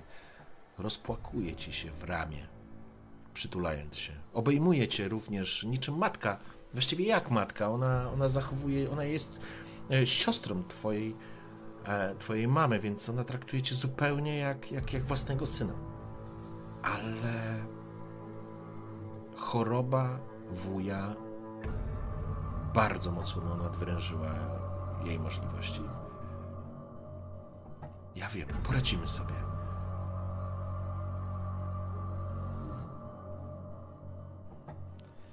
Ja zrobię wszystko, ciociu, ja. To jest już ten czas, wiesz, już y, jest lepiej. COVID odpuszcza. Ja y, odezwę się za dzień, dwa. Zadzwonię. Ja na pewno. Słuchaj, poradzimy sobie na pewno. Ja znajdę jakąś opiekunkę. Wierzę, wierzę, na pewno sobie poradzimy. Ja też poszukam. Może się uda mi jakoś dorywczo. Porozmawiałem z sąsiadką, obiecała, że nam też troszeczkę to pomoże. Z Umberto. Synek. Teraz? Leć. Papa, z mamą. Z mamą. Sorry. Poradzimy sobie. Poradzimy sobie, ale musimy być w tym razem. I wiem, że mnie nie zawiedziesz. Do tej pory mnie nie zawiodłeś i, i wuja również. Będzie dobrze. Kiedy wychodzę z tego małego mieszkania w kamienicy przy La Visciatore 9, Zanim zamykam za sobą drzwi, chwytam wuja za dłoń. Słabą. Patrzy na mnie. I ja wiem, że wszystko w tych oczach. Żegnam się z Sebastianą. Zamykam za sobą drzwi. I czuję złość, czuję niemoc totalną. Czuję, że gdybym mógł, to bym wrzasnął tak, że szyby z okien na La Visiatore po prostu popękałyby najmocniej jak można. Nie zgadzam się. Nie zgadzam się z tą całą sytuacją. Non sono d'accordo, żeby oni nie byli w stanie podnieść się. Ja muszę to zrobić. Ja zadzwonię do Ciro. Zadzwonię do Ciro. I wtedy, jak błogosławieństwo od świętej panienki, twój telefon pierwszy zadzwonił. To był Ciro. Marko, dawno się nie widzieliśmy, ale zaczyna się ruszać. Będziesz potrzebował partnera. Szykuje się coś dużego, ale musimy o tym porozmawiać. Sami. Ciro. Ciro, oczywiście, ja już będę. Ciro. Nie uwierzysz, ale myślałem o tobie. Myślałem, żeby do ciebie zadzwonić. Boże, jak to dobrze, że dzwonisz. Będę. Za 15 minut będę u ciebie. Dobrze, Marko, bądź. Zanim jeszcze wrócimy na chwileczkę do tej sceny nad zatoką, chciałbym, żebyśmy jeszcze się spotkali z Ciro.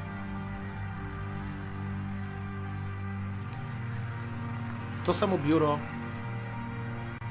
napalone. Ciro wygląda jakby się postarzał przez te 6 miesięcy kilka dobrych lat. Kiedy tylko wchodzisz, natychmiast wstaje. Przyjacielu, witam. Wychodzi znowu za tego biurka, znowu cię obejmuje. Wiem, że lecieliśmy na oparach. Siadaj, Marku. Ale uwalili nas całkowicie, wiesz. Nie można było jeździć po ulicach, nie można było jeździć z Neapolu. Wszystko siadło, ale teraz się to zmienia. Powoli się odbudowujemy. Będę miał temat, który Marko, temat, który. To może być nasz ostatni temat. To jest coś wielkiego. Rozwiąże wszystkie nasze problemy. Być może z... zmieni całe nasze życie. Jesteś jedyny, do którego mogę się o to zgłosić. Tylko tobie tak naprawdę ufam. I wiem, że. że dowieziesz. Ale to. to duży temat. Potrzebujesz kogoś. Potrzebujesz kogoś, komu zaufasz. Komu ja zaufam. Jezu, jak bałem się tej rozmowy.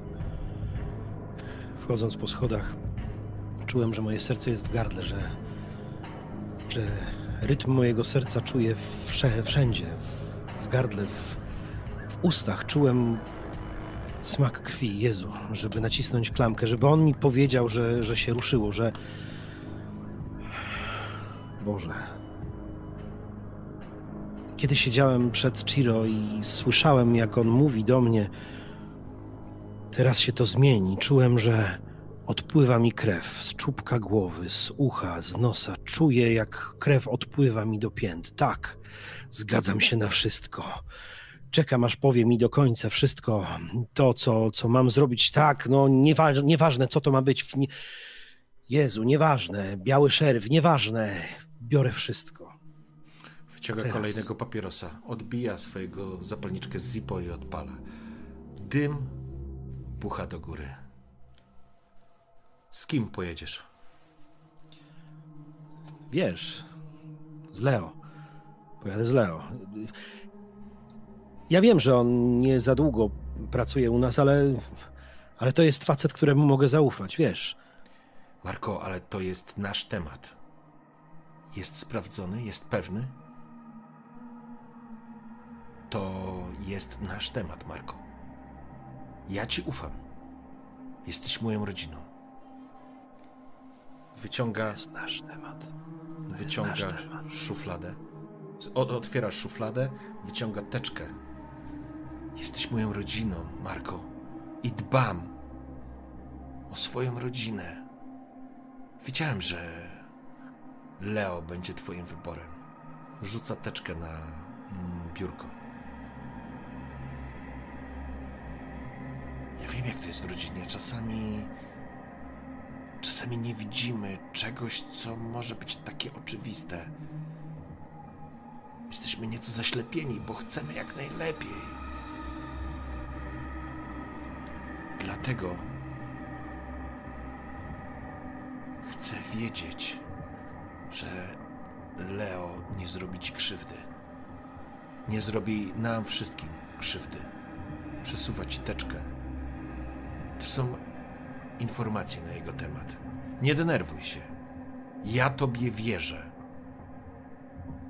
Jesteś pewny w stu procentach. Ale jeśli Lemar ma z tobą to robić, to ja chcę być również pewien. Chcę go sprawdzić.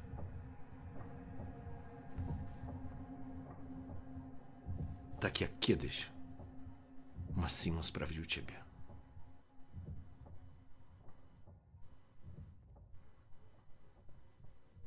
Ale musisz mi powiedzieć, że on chce w to wejść.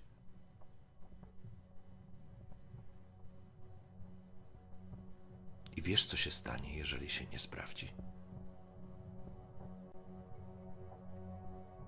Jesteś moja familia, Marko. Nie wybaczyłbym sobie, gdyby stała ci się krzywda. Dlatego muszę cię chronić. Albo się upewnić, że jesteś bezpieczny.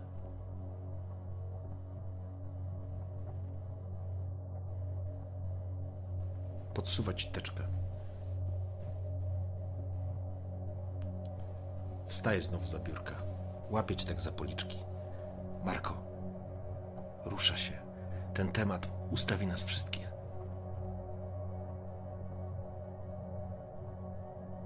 Ale muszę wiedzieć, że jest w odpowiednich rękach, a sam nie dasz rady.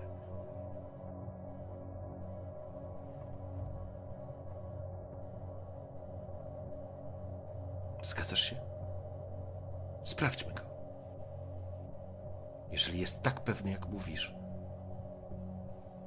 wszystko się dobrze skończy, Marko. Będzie bueno. A jeśli nie, to cóż, przynajmniej tobie się nic złego nie stanie. Nam się nic złego nie stanie.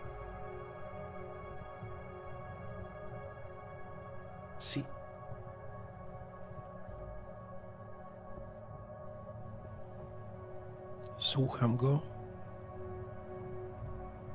Patrzę na niego. Jego słowa brzmią jak uderzenie dzwonów. Boże, ja nie umiem mu powiedzieć, nie umiem mu odpowiedzieć na te proste pytanie. La familia. Kto jest moją rodziną? On jest moją rodziną. Czy wuj Umberto jest moją rodziną? Ciocia Francesca, Sebastiano jest moją rodziną. Ojciec jest moją rodziną. Matka, która nie żyje, jest moją rodziną. Leo. Leo, czy jest moją rodziną? Czy oni wszyscy są moją rodziną? Czy ja stoję na skraju klifu? I czy oni wszyscy nie idą w moim kierunku, mówiąc, że są moją rodziną? Boże drogi, czuję jak krew odpływa mi z powrotem z czubka głowy. Nie mogę złapać oddechu. To takie proste pytanie. Czy ja mu ufam? Czy. Czy Chiro może mu zaufać? Jezu. Przecież. Kto jest moją rodziną? Dreszcz przyszywa cię od stóp do czubka samej głowy. Kiedy spoglądasz się na Chiro, on czeka. On wie, że to jest ważne, ale widzisz, że Jego ręce splawione są krwią, a obok, obok leży ktoś związany z rękoma i nogami. Leży z workiem na głowie, ale wokół ciebie te postaci, które, które są twoją rodziną. Oni wyciągają do ciebie dłonie. Jest moment. Marko, w porządku? Słyszysz głos Ciro. Zastanów się. Musisz być pewien. Inaczej tego nie robimy. Si, si, si. Sono d'accordo, zgadzam się, oczywiście, tak. Ciro, no przecież wiesz, oczywiście, ja jestem jego pewien. To jest. Moje słowa są jak nóż przecinający wszystkie te gęste myśli, tą całą niepewność. Ja nie mam innego wyboru, ja nie mam innej możliwości. Oczywiście, że tak, zgadzam się. No przecież wiesz dobrze, musimy być pewni. Ja jestem go pewny. Sprawdźmy go, tak, oczywiście. Sam nie jestem pewien tego, co mówię. Massimo mnie sprawdził i ty wiesz, przecież pracujemy już tyle lat. Tak, jesteś moją rodziną, oczywiście, i chcę, żebyś wiedział, chcę, żebyś wierzył w to, że Leo też jest naszą rodziną. Ja wiem, to jest nasz temat. Zaciąga się papierosem. Delikatnie klepie cię w policzek. Bueno, Marko.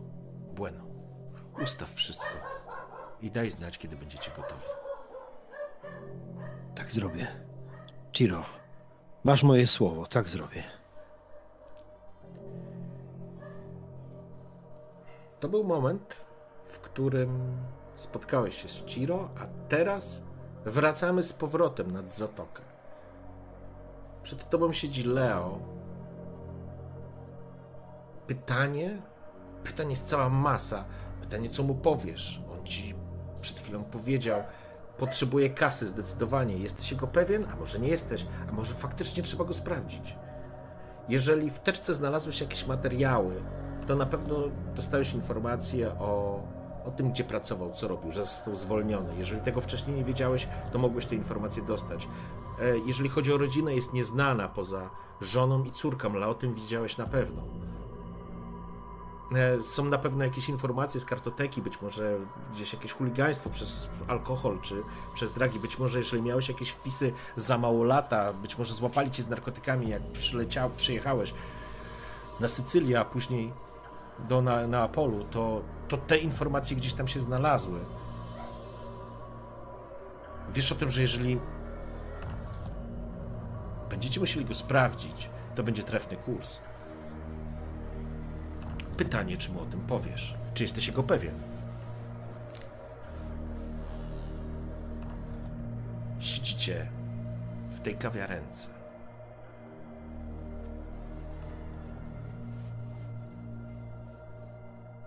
Tysiące myśli, przepraszam, wróciły wam we wspomnieniach, które wcześniej mieliście. A teraz wracamy, wracamy z powrotem. Synek, Moli sobie tutaj idzie. I bojnera. Nie, Molisz czeka, bo ktoś idzie. Chodź tu, przyjdę, Molisz z tobą. Dobra. Ejku, przepraszam, jest jeszcze znowu. Moli, chodź. Nie masz czego.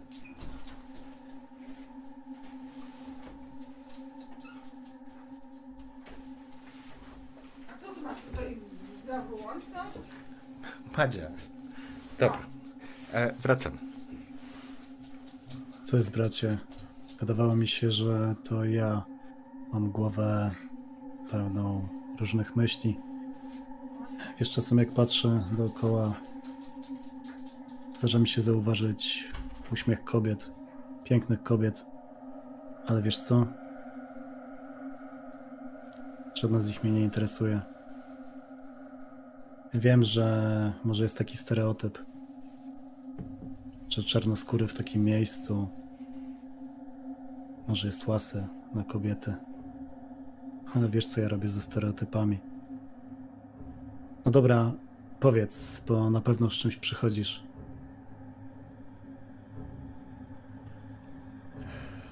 Leopold, słuchaj, Robi się oficjalnie, przestań.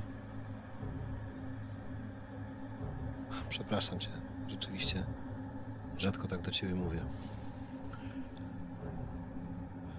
Nigdy tak do mnie nie mówisz. Słuchaj. Wracamy do roboty i to jest dobra wiadomość. Wspaniale. Ale jest jedna rzecz. Wiesz, że teraz jest cholernie trudno. Wiem. Musimy postawić wszystko na jedną kartę. Jeszcze możesz się wycofać. Jeszcze. Jeszcze możesz zrobić krok w tył. Jeszcze.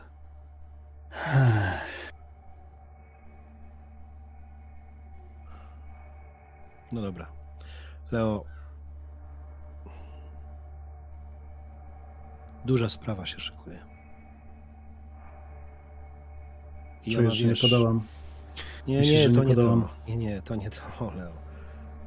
Nie, możesz mieć takie wątpliwości, jasne. Przecież To jest.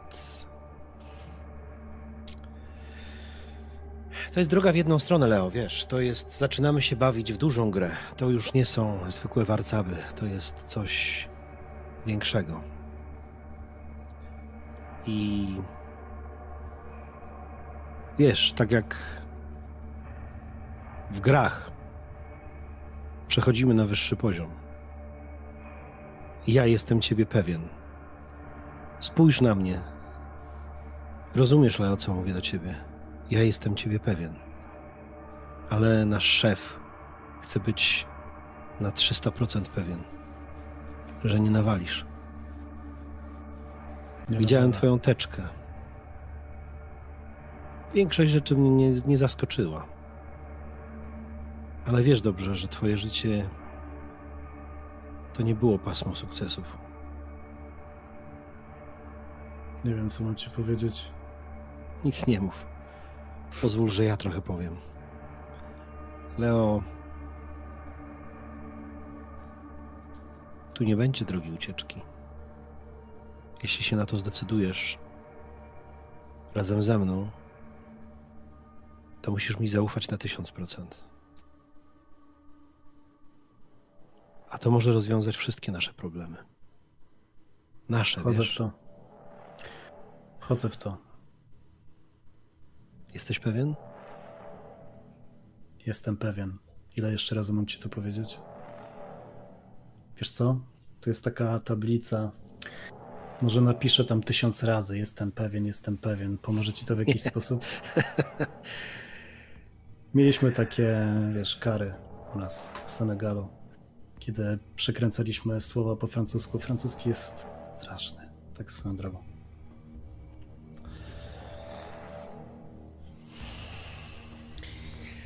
Mam prośbę. Tomek, chciałbym, żebyś sobie. Rzućmy jakiś test w dzisiejszej narracyjnej sesji. Mm, słuchaj, chciałbym, żebyś sobie rzucał e, rozeznaj intencje.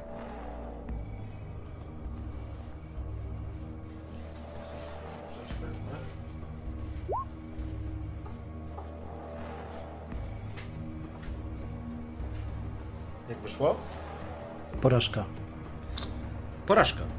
Mhm. Okej.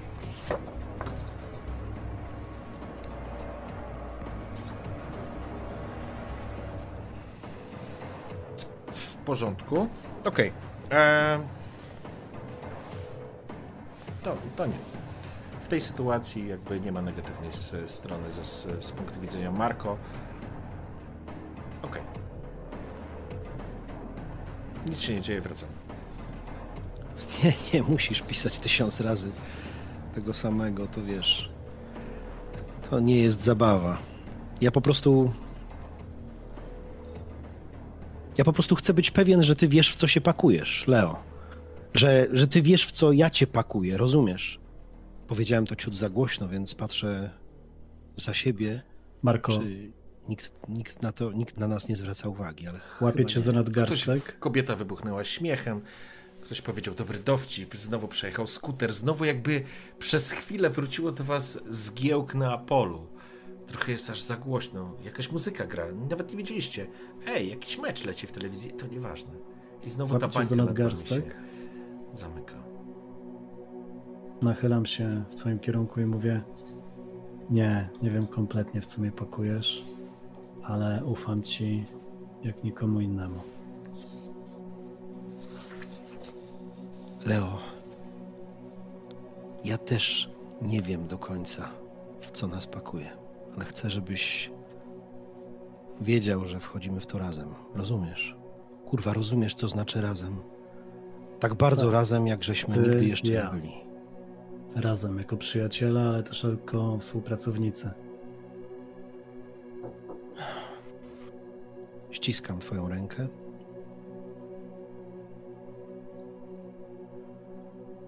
Odbijemy się. Odbijemy się za te wszystkie miesiące. Odbijemy się. Odbijemy się na zawsze, mam nadzieję. Ja już się odbijam. Dzięki. Napijesz się czegoś jeszcze? Nie. To po Nie prostu trzeba. posiedźmy tak. Jeszcze przez chwilę. W porządku.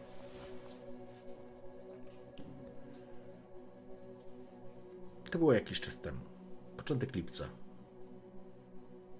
Sprawa, o której, że tak powiem, skontaktowałeś się z Ciro, Marko, że jest załatwiona, zostało przekazane. W pewnym momencie oczywiście dostałeś informację, że w takim razie pojedziecie razem z Leo do Foggi, żeby zawieźć towar. Jedziecie samochodem, busem, jakimś może Fiatem? Zapakowane, oczywiście towar jest na, z tyłu, macie list przewozowy. Tradycyjny, normalny kurs. W końcu poza miastem. Siedzicie, gra może jakaś muzyka, pierwsze zlecenie, to znaczy pierwsze, od jakiegoś czasu w takim zna- znaczeniu. Wyjeżdżacie z Neapolu, jadąc w kierunku Foggi. W pewnym... Kto kieruje? Chciałbym wiedzieć. No myślę, że ja kieruję. Okej. W pewnym momencie podczas drogi, e, kiedy jechaliście jakąś e, nie autostradą, jakimś objazdem, czymś dodatkowym, gdzieś z dala od wielkiego ruchu, w pewnym momencie przed waszą maskę wyjeżdża samochód.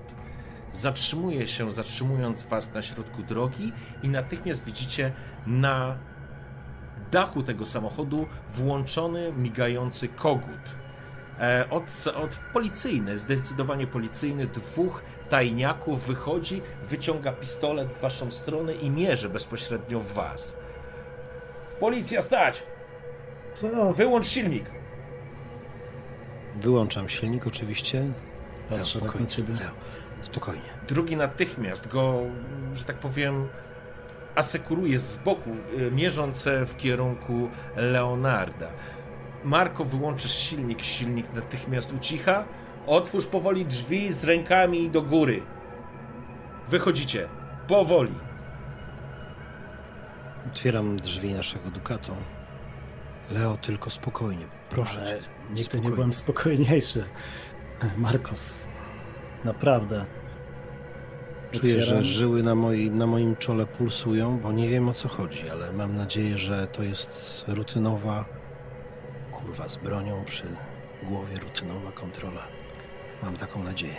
Wiesz Mężczyzna. co, jestem, tr- ja jestem trochę rozbawiony, to znaczy nie, poka- nie okazuję tego po sobie, ale wiecie, pierwszy kurs, taka sytuacja, kolesie tajniacy z, z gnatami celujący do nas, czuję się trochę jak w jakimś sensacyjnym filmie i chyba pod wpływem tej takiej nagłej sytuacji nie do końca łapię powagę Mhm. jej całej i tak staję przy masce, kładę ręce na maskę, coś jeszcze mam zrobić? Do nich, tak mówię. Zamknij ryj. Ręce do tyłu. Czujesz, jak cię skuwają. Mężczyzna. Ej, ej, ej, ej, ej, ej, ale Zamknij- można jakiegoś innego słownictwa. Czujesz, czujesz broń przyłożoną do e, potylicy. Nawet nie drgnij. I w tym momencie proszę, żebyś rzucił sobie na weźcie w garść.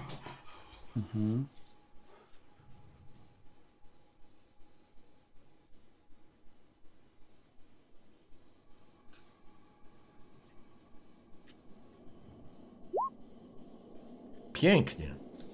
Fantastycznie. Czujesz większą irytację na tą całą sytuację, ale nie tracisz ab- absolutnie rezonu. Mężczyzna e, natychmiast skuwa ci ręce w kajdanki e, i prowadzi w kierunku samochodu.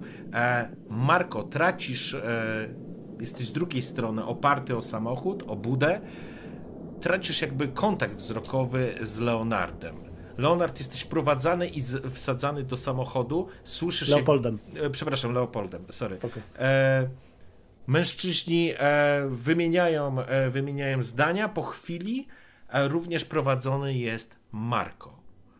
Marko, również zostałeś skuty. Jakby nikt z tobą nie dyskutuje, nikt nie zadaje pytań.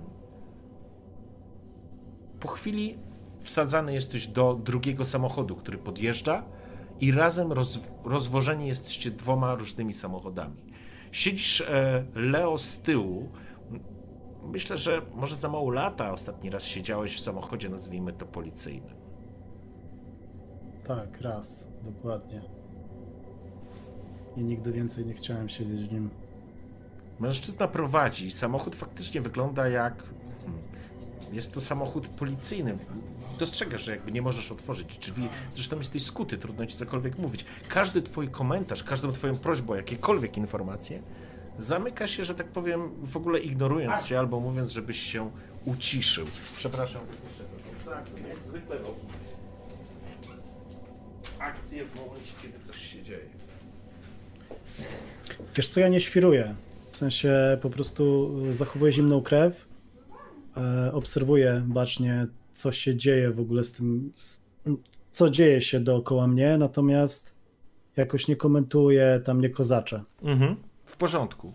Samochód przejeżdża ileś kilometrów, trudno określić, starasz się mm, rozejrzeć w pewnym momencie zatrzymujecie się w jakimś miasteczku na poboczu. Jesteś wyprowadzany z tego samochodu i trafisz do. Wchodzicie jakby na komendę, ale to nie jest komenda. Nie widzisz, żeby to była komenda. To raczej jakiś mm, pensjonat, dom, albo wygląda w ten sposób. E, Marko, na razie ciebie zostawię. E, Wrócimy do ciebie za chwilę. Leo, jesteś wprowadzony w pewnym momencie po wąskiej klatce schodowej, kiedy nawet jeżeli próbujesz zadać jakiekolwiek pytanie, nikt cię nie bije, nic się tutaj takiego nie dzieje absolutnie, ale jakby ignorowane to jest. Wprowadzają cię do pomieszczenia przez krótki hol, jakbyś wszedł do prywatnego mieszkania, po czym trafiasz do pokoju, który wygląda jak pokój przesłuchań. Sadzają cię na krześle. Jest krzesło, stół, drugie krzesło po drugiej stronie. Mężczyzna jeden, który cię wprowadził, sadza cię na krześle, drugi stoi przy drzwiach. Będziesz spokojny? Mogę cię rozkuć? Ma wyjście? Oczywiście, że będę spokojny. Po chwili cię rozkuwa. Rozprostowuję nadgarstki. Ja mam zacząć, czy panowie? Mam nadzieję, że my zaczniemy, a ty skończysz. Pietro, przyniosłeś? Si. Widzisz, wyciąga i rzuca pakiet. Owinięty szarą taśmą, który jest prze, przecięty i wysypuje się z niego biały proszek. To było w samochodzie, w którym siedziałeś razem ze swoim kolegą. Jesteś płotką, jesteś nic nieznaczący, ale chcemy wiedzieć, dla kogo to wozisz i gdzie to miało trafić i z kim pracujesz. No właśnie, jestem płotką, nic nieznaczące. Zwerbowano mnie, nawet nie miałem pojęcia co wiozę. Wiem tylko tyle. Mam przejebane. Pięknie to ująłeś. Panie Lemar. Witamy we Włoszech, uśmiecha się drugi. Nerwowo mryga okiem. Posłuchaj, panie Lemar. Możesz stąd odejść, tak jak tu przyszedłeś, jeśli odpowiesz na parę naszych pytań. Więc skup się, kim jest człowiek, z którym jechałeś? Gdzie Nie mam pojęcia. Nie mam pojęcia. W jaki sposób wsiadłeś do tego samochodu? Gdzie wsiadłeś do samochodu?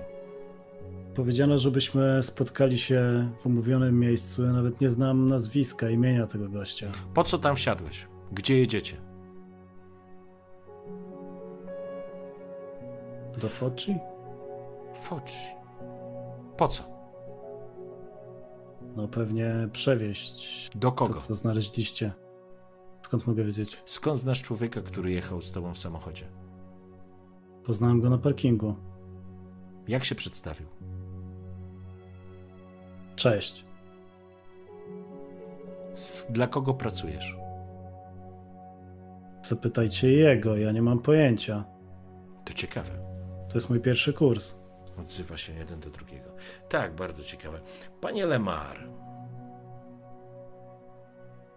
mamy wrażenie, że zarabia pan całkiem niezłe pieniądze i mamy to udokumentowane. No, tak się zaczynam trochę pod, podśmiechiwać. Przepraszam. Pracuje pan w agencji, która jest podejrzana o. która jest podejrzana o przestępczość zorganizowaną. Może pan nic nie wie, albo nie chce pan wiedzieć, ale proszę zaufać, że Senegalczyk, który trafi do włoskiego więzienia, nie będzie miał łatwo. Zresztą to chyba dla pana nie jest specjalnie istotne, ponieważ pan nic nie wie. Pana odebrano na parkingu, prawda, panie Lemar? Prawda. Rozumiem.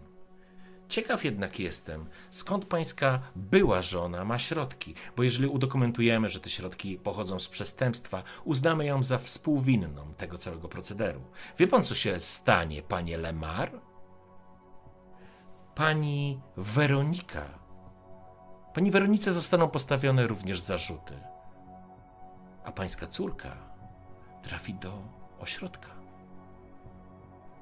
Drugi mężczyzna wstaje, opiera się o stół. A wie pan, panie Lemar, co się dzieje z ładnymi dziewczynkami w takich ośrodkach? Dokąd jechaliście? Kim jest mężczyzna, który prowadził samochód? Dla kogo pracujesz? Koniec pierdolenia, panie Lemar. Ja zachowuję zimną krew. Nawet powieka mi nie drgnęła, pomimo tego, że mówi, wypowiada imię mojej córki, mojej byłej żony. To ja gdzieś z tyłu głowy mam takie poczucie, że to może być sprawdzanie mnie w tym momencie.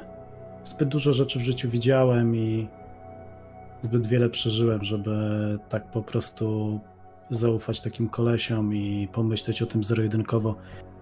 Mhm. Powieka mi nie drży, patrzę się na niego tak beznamiętnie.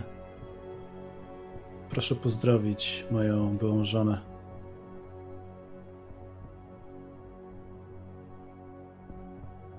Dobrze, panie Lemar. Dobrze.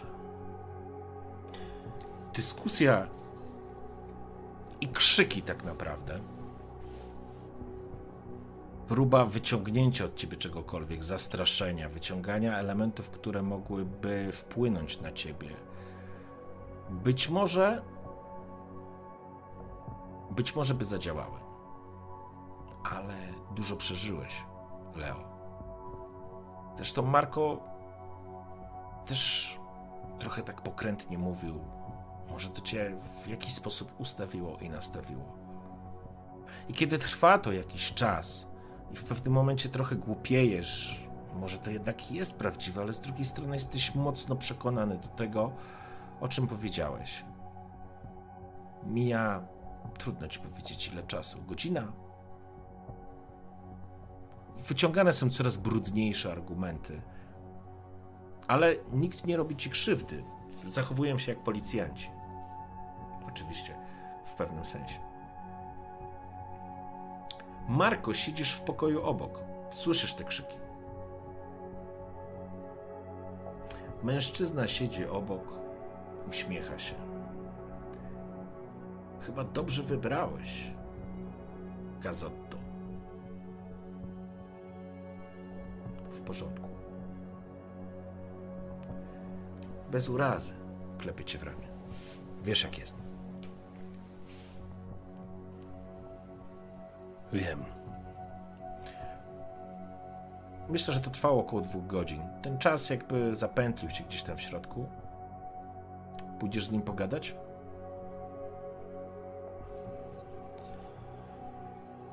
Oczywiście. W porządku. My się zwijamy. Samochód stoi pod domem. Mężczyźni w pewnym momencie opuścili pokój, przerzucając się jeszcze groźbami albo tym, co się wydarzy. Gdyby Ja to- milczę, cały czas milczę. Gdyby to tyle nie trwało, to, to gdzieś tam się pojawił może jakiś taki przebłysk, że może jednak, może oszalałem, ale, ale jednak byłeś pewny swego i myślę, że ta rozmowa z Marką wiele ci dała. Ty, Marko, trochę idziesz na miękkich nogach, bo nie wiesz, jak on się zachowa. Czy on się zachowa tak, jak ty się zachowałeś w stosunku do Massimo? Czy zrozumiałeś? E, przepraszam, ty zrozumiałeś, ale czy on zrozumie?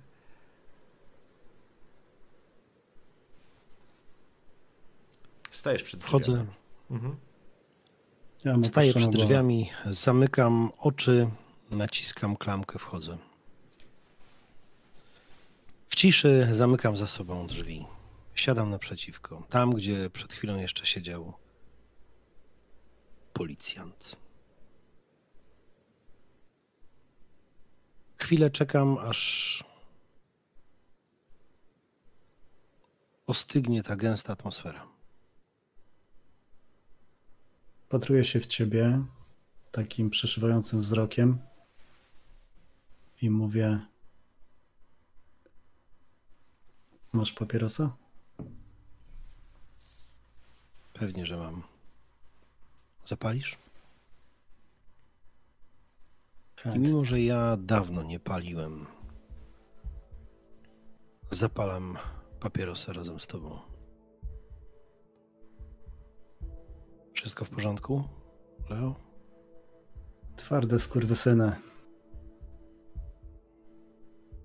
Mówiłem ci, że to nie jest przewóz pieczywa.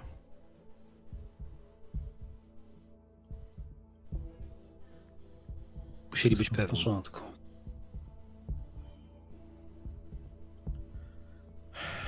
Wiesz, że ufam ci w pełni, nie?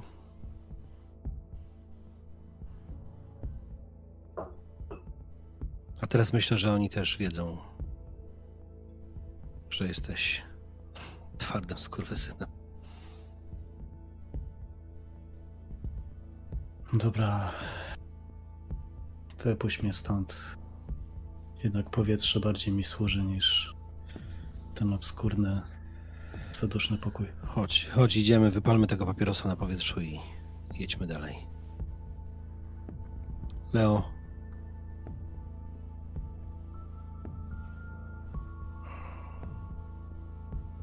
I Scusi, przepraszam cię. Przestań. Klepię go. Plecy. Wiesz, to nie były dwie najmniejsze godziny w moim życiu, ale dwie godziny, które zaważyły o dalszej części mojego życia. Także gdyby trzeba było je powtórzyć, nawet po dziesięciokroć, zrobiłbym to. Otwieram ci drzwi. Grację.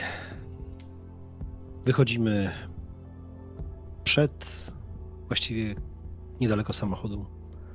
Opieram się o maskę, zasłaniając tyłkiem znaczek kwiata. Opieram nogę o reflektor, dopalam swojego papierosa. Niewielka mieścina gdzieś na drodze, nazwa nawet nie jest istotna, rozpalały, rozpalają się latarnie wzdłuż ulicy, jednej głównej, jedynej tutaj. Stoicie tak w milczeniu i każdy z was na poziomie gdzieś tej swojej świadomości słyszy czy widzi dwie rzeczy.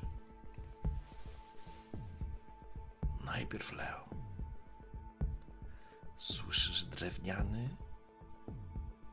kawałek drąga, który uderza rytmicznie o ziemię i słyszysz jakby koraliki przyczepione do tej drewnianej lagi, które wybijają rytm.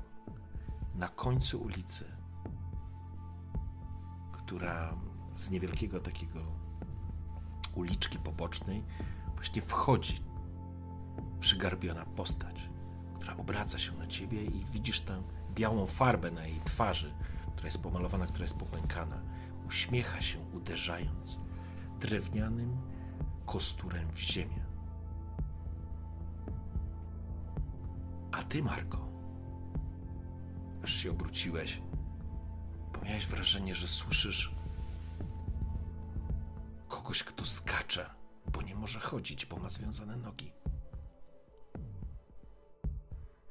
I próbuje przeskoczyć z miejsca na miejsce. Może nawet jakiś cień gdzieś. Obracasz głowę wśród ciemności, wśród, to znaczy ciemności, zapadającego zmroku. To był ten moment, w którym znowu jakby świat wokół was przygasł, zatrzymał się. Masz wrażenie, że ktoś jakby wskoczył w kolejną uliczkę.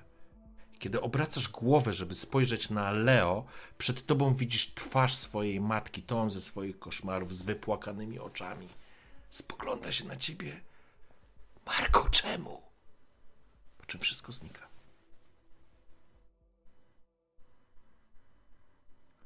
Stoicie troszeczkę ogłupiali.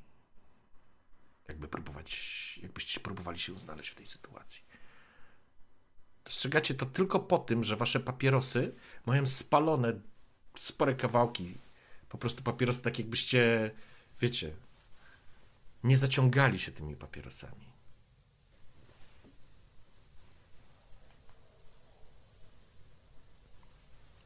Merda. Rzucam w ciemność, jednocześnie rzucając niedopalonego papierosa. Przestał mi smakować. Chodź, Leo, chodź. Jedźmy jak najszybciej. Nie ma sensu w tej zasranej włoskiej dziurze siedzieć. Chodź. I zamaszystym krokiem idę w kierunku szoferki, otwierając drzwi, siadając, dając do zrozumienia Leo, żeby usiadł na miejscu pasażera. Kiedy wchodzisz do szoferki, ja jeszcze stoję przed maską i dopiero do mnie, tak jakby w takim spowolnieniu, dochodzą te słowa, które wypowiedziałeś przed chwilą. Dochodzi do mnie ta świadomość, że jestem tu i teraz i postać tej starszej kobiety już jej nie widzę, ale słyszę cały czas te koraliki. Słyszę jej chichot. I czym prędzej, po prostu bez słowa, bez patrzenia w kierunku Marko, wchodzę do środka.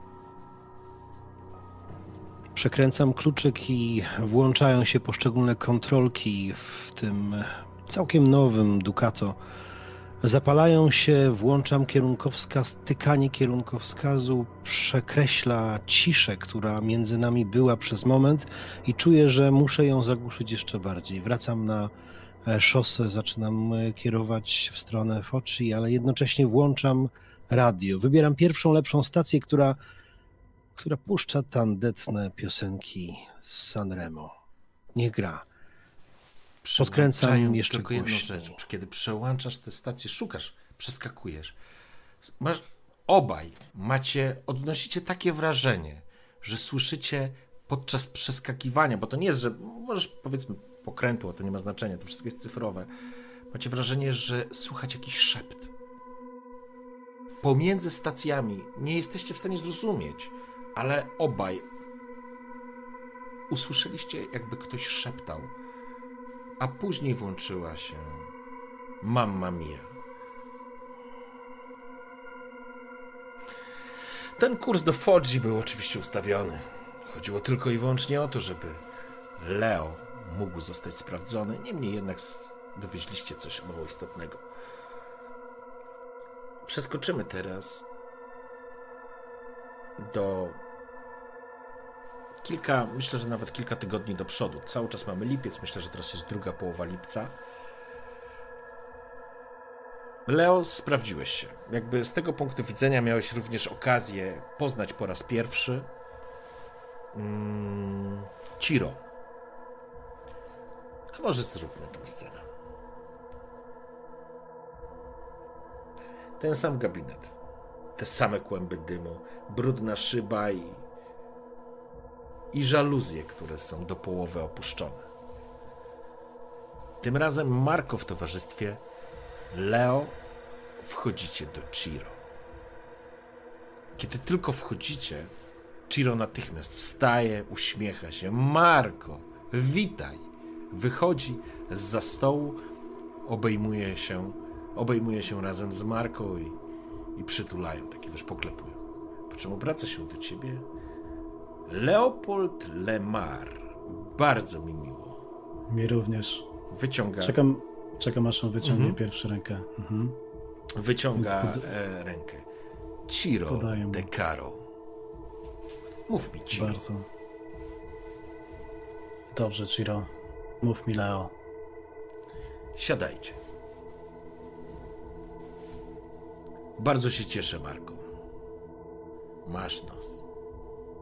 Massimo też miał nos. To bardzo dobry dzień.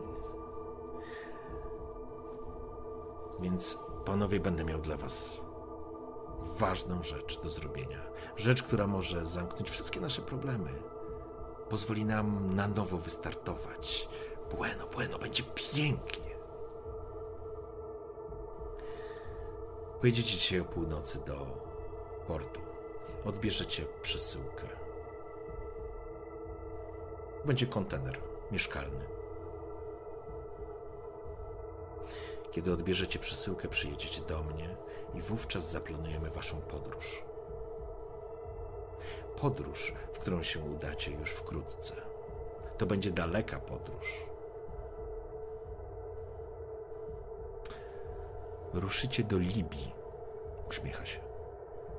Ale jak wszystko się uda, wybierzecie dowolne miejsce na globusie i tam spędzicie resztę swojego życia. Uśmiecha się uroczo. Kiedy wypowiedział nazwę Libia, to serce zaczyna bić mi szybciej. Ale oczywiście nic nie pokazuje po sobie. Kiedy powiedział Libia,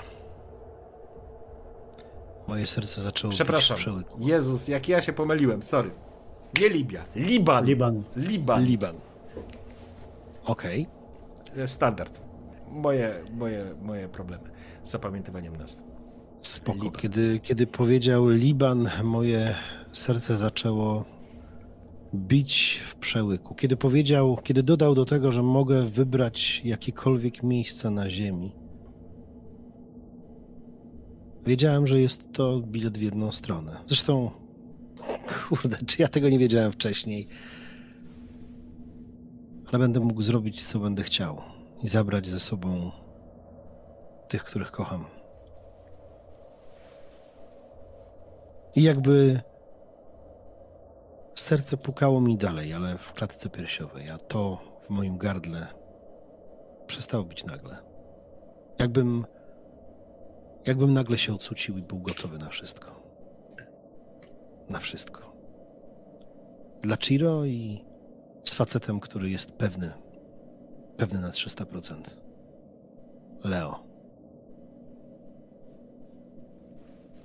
Do mnie te słowa dotyczące tego, że będę mógł sobie wybrać jakieś miejsce, nie to, że to zignorowałem, bo to usłyszałem, ale one jakoś same w sobie mnie nie zapaliły, do, nie wiem, nie zmotywowały mnie. Mnie w tej sprawie motywuje to, że mam pracę, że zaufano mi, że ta praca faktycznie może być jakąś trampoliną, szansą dla mnie, ale też szansą dla mnie w oczach Weroniki, w oczach Moniki, a zwłaszcza tej drugiej.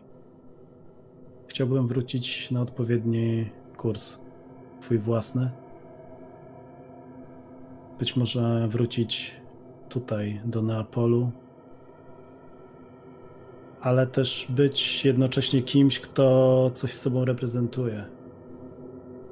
Daje coś więcej od siebie niż tylko kłopoty, niż tylko ileś pustych butelek zostawionych pod łóżkiem czy kłótnie.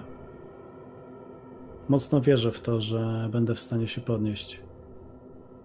I mocno wierzę, że to zależy tak naprawdę ode mnie. Od nikogo innego, ani od Chiro, ani od Marco, ale tylko i wyłącznie ode mnie. Chiro, kiedy mamy pojechać? Dzisiaj o północy odbierzecie ciężarówkę. Podam wam wszystkie informacje, pokażecie to człowiekowi. Pociąg wy, wy, wyrzuca ci po prostu taką zwykłą kartę króla Kier. Jest przerwana na pół. Ten człowiek będzie miał drugą połówkę. Odbierzecie ładunek i przyjedziecie tutaj. Później zajmiemy się planowaniem waszej trasy. To naprawdę ważna sprawa, panowie. Robicie to dla siebie. Każdy z was, każdy z nas tego potrzebuje. Ale to droga bez powrotu. To jest bilet w jedną stronę. Musicie mieć tego świadomość. Ale wy ją macie. Bueno, bueno. Zapala papierosa.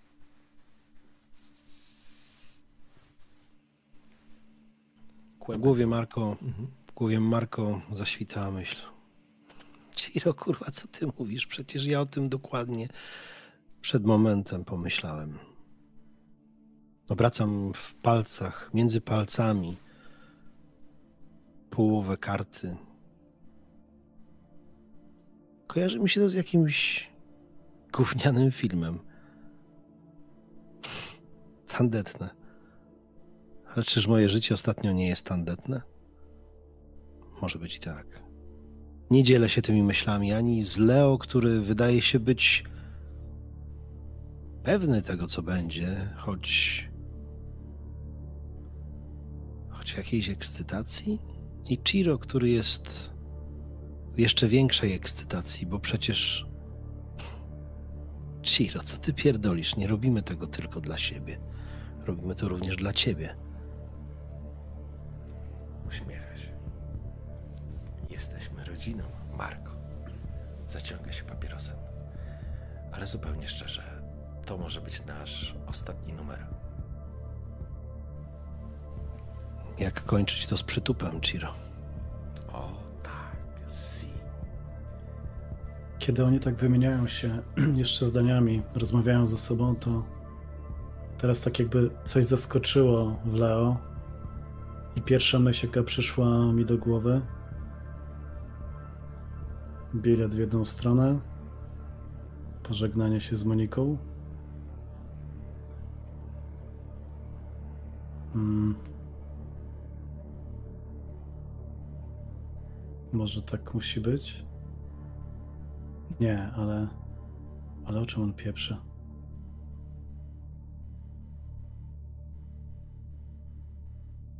Natomiast cały czas jakby nie pokazuje po sobie żadnych emocji. Mhm. W porządku. Panowie, przeskoczyłbym do północy, do portu, w którym macie odebrać ładunek. Przystań numer 62. Dosyć z boku kilka kontenerów stojących, czekających na rozładunek, a może inaczej, na coś, kto ich odbierze, na coś, co odbierze. Przy nabrzeżu statek, który wygląda jak kuter. Nie lubisz tych statków, Lemar.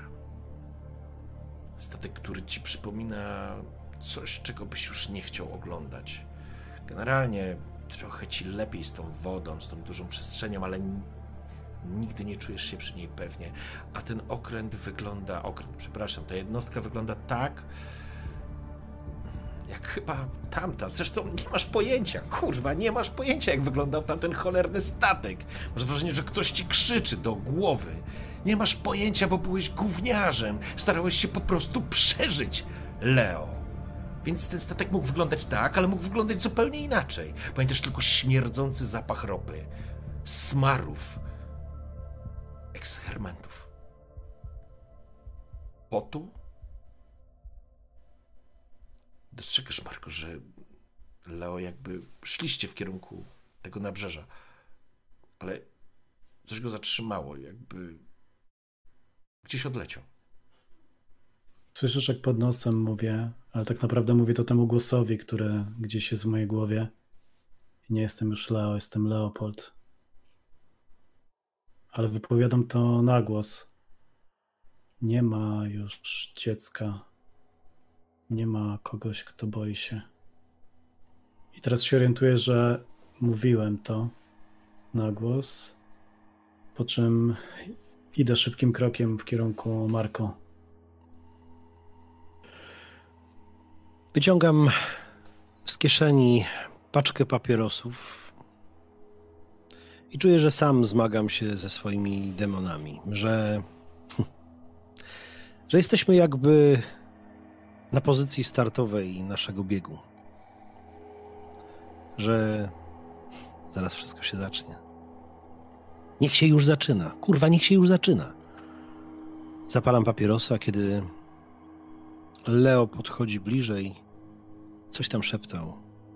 Zmaga się sam ze sobą. Podaję mu paczkę. Wyciągam, Zapalisz? wyciągam bez słowa, zapalam. Po pierwszym mm, zaciągnięciu, pociągnięciu papierosa mówię do ciebie. Kontener mieszkalny, Łódź. To brzmi jak wiele historii, które znamy z mediów, nie? Nie myśl za dużo. Po prostu wykonajmy naszą pieprzoną robotę. Kiedy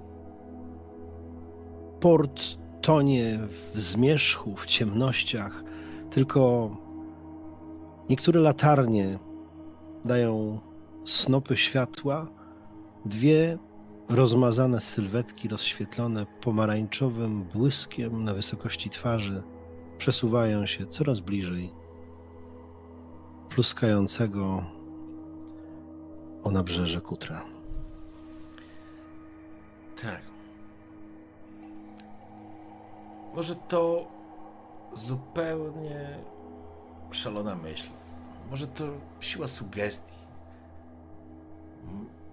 Nazwij to jak chcesz, Marko, ale masz wrażenie, że ta kobieta, którą kiedyś słyszałeś na nabrzeżu, wyzywająca was od idiotów i imbecyli, stoi na jednym z balkonów i wrzeszczy coś sił w waszą stronę, jakby próbując was ostrzec? Nie, to niemożliwe. Spotykacie się w pewnym momencie z ludźmi, którzy mają kartę. Tak, tandetne.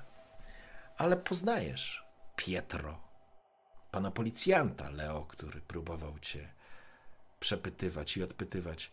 Oczywiście cały czas mówił, że bez urazy. Nic osobistego. Taka praca.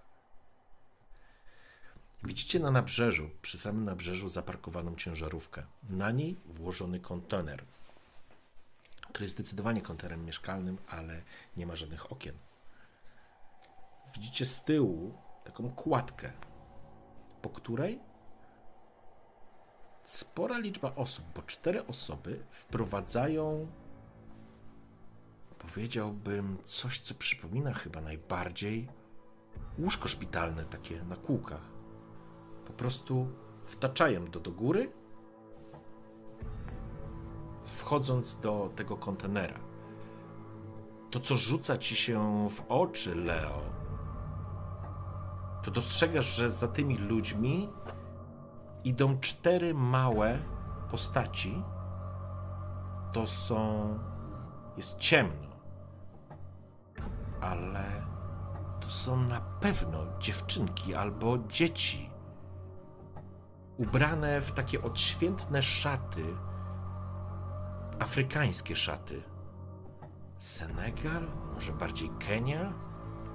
Wiesz, takie jakby ludowe, wiesz o co chodzi, więc one. Mhm, kolorowe. Tak, one idą takiego gęsiego i masz wrażenie, ale to może wrażenie, dużo tych wrażeń ostatnio macie, że pochód zamyka przygarbiona postać uderzająca drewnianym kosturem. O, wz- wzdrygam się i pytam, pytam Marko, nawet jeżeli przy nas jest Pietro czy ktokolwiek, to słyszy to, ale pytam się go w miarę po cichu. Kogo widzisz na końcu? Leo, tu patrz. Tu patrz. To jest twoja robota. To jest moja robota. Gówno Dobra. nam do tego, kto jest w środku i co jest w środku. Masz jedyny cel? Ja też. Lepiej się nie zastanawiaj. I obracając głowę do Pietro, wyciągam z kieszeni. Wyciągam z kieszeni połowę karty. Panowie, brakuje wam do talii? I obracam między, między palcami. Dobrze ci widzieć, Marko. W porządku. Załadunek jest już prawie kompletny. Jedźcie do Ciro. Resztę ustalicie z nim. Dobrej nocy, panowie. Słyszycie, jak kontener się zamyka, albo jest zamykany przez kogoś? Tak, przez dwóch dodatkowych ludzi. Jeden z nich to ten drugi gliniarz, którego poznałeś. Chyba Domenico na niego mówią. Nieważne. Kiedy wsiadacie do szoferki, jest to ciężarówka, mm, nie bus, rozpalają się te wszystkie kontrolki. Czekasz, Marko, na dźwięk startera, tego pistoletu, który rozpoczyna bieg. Masz wrażenie, cholera, chyba czas na psychoanalizę. Masz wrażenie, że właśnie ktoś odpalił ten pistolet, ten starter. Wasz bieg się rozpoczyna. Zostawiacie za sobą nabrzeże. Każdy z własnymi myślami, kierując się do Ciro. I na tym, szanowni panowie, dzisiaj zakończymy naszą sesję wprowadzeniową i pierwszą sesję z naszej serii, którą będziemy sobie grali. Wow. O ja. Mm. Nie wiem, Jak kto wrażenie? bardziej czuje napięcie. Nie wiem, kto bardziej czuje napięcie, czy Marko, czy ja osobiście. Jak w ogóle wrażenie, słuchajcie? Opowiadajcie, mamy chwilę, e, możemy pogadać, podzielić się, że tak powiem, wrażeniami. Ja w ogóle zajebisty motyw jest e, retrospekcji, ja też je uwielbiam, ale tutaj mam poczucie, że świetną rzecz zrobiłeś, bo dałeś wybrzmieć większości wątków, które nasze postacie posiadają, gdzieś zapisane mają w swoich historiach, a nawet z mojej perspektywy dałeś mm, dzięki temu też takie poczucie, że ja sobie jeszcze bardziej to dookreśliłem. Tak jak wiesz, jak na początku spisałem nawet w punktach to, no to wiadomo, że na kartce, czy nawet w samym myśleniu to wygląda, ta postać wygląda jakoś, ale potem, kiedy wypowiadane są słowa, kiedy jest interakcja między właśnie MG, między innym graczem, no to tutaj dopiero zaczyna się dziać. I, I też oczywiście, tak jak zwykle, to są jakieś pewne zmiany, które też ja sobie na bieżąco wprowadzam, ale ewidentnie po prostu czuję plastyczność tej mojej postaci i zrobiłeś rzecz, która, mm, która bardzo jest dla mnie ważna i czasem trwa przez kilka sesji, zanim ja wejdę. Ja już czuję się lemarem. Po prostu obudzisz mnie o czwartej rano, ja powiem ci o różnych rzeczach z jego przyszłości. Powiem ci, nagle, nagle, nagle zacznę mówić po francusku, chociaż wiesz, Musimy- mylę się pewnie, jakbym Ja muszę zaczął mówić. włoskich słówek się nauczyć więcej. Ale wiecie, po prostu nie, powiem, powiem wam, że y, bardzo, bardzo i ta muzyka, i sposób narracji twój, Marcin, i to jak z Damianem się gra, i to, że mam takie poczucie, że fajnie się uzupełniamy i w tej trójce, jak, e, ale też między naszymi postaciami. Wow. Chyba słowem wow mam po prostu tyle do, do podsumowania. A jak Damian u Dzięki ciebie? bardzo. Dziękuję pięknie. No powiem ci, że tak jak rozmawialiśmy wcześniej, zanim gramy pierwszy raz ze sobą, więc czuliśmy tą chemię już zanim, zanim w ogóle sesja się rozpoczęła. No, co mogę powiedzieć? No, tak jak żeśmy planowali i tak jak żeśmy to czuli, to z mojej strony absolutnie było to poczucie. No, ja po prostu płynąłem przez, y, przez tą opowieść. Dałeś dużo przestrzeni faktycznie Właściwie, na słuchajcie, opowieść to wyście stworzyli. Mieliście... Nie, nie, nie, nie, Wy, nie, nie. właściwie- były takie momenty, że ja, ja chętnie słuchałem, co się wydarzy, naprawdę. Słuchaj, super. jeśli ping jeszcze trwa olimpiada, jeśli ping-pong mógłby grać na trzy, mógłby być powiedzmy stołem na trzy, na trzech graczy, to rzeczywiście tak dzisiaj miałem to poczucie, że dosłownie ten, ta piłeczka lata pomiędzy, pomiędzy nami trzema rzeczywiście. I to jest opowieść, którą faktycznie tkamy razem, ale dałeś tak dużo przestrzeni, ja tutaj z Tomkiem absolutnie się zgadzam, tak dużo przestrzeni na to, tak jak deklarowałeś, będzie to sesja wprowadzająca, pierwsza.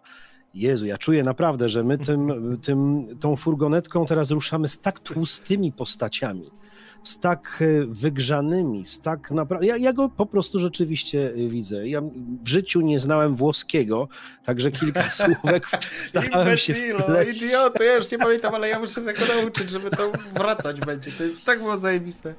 Ale powiem ci, że ja czuję już Neapol. Nie byłem nigdy w Neapolu, ja czuję Ja już ten nie. Neapol, który, który tworzymy, tworzymy wspólnie. Nie, naprawdę super, super. Bardzo kultowo, bardzo, e, bardzo siarczyście, bardzo mrocznie. Zaczyna się faktycznie na dużym wdechu i złapać.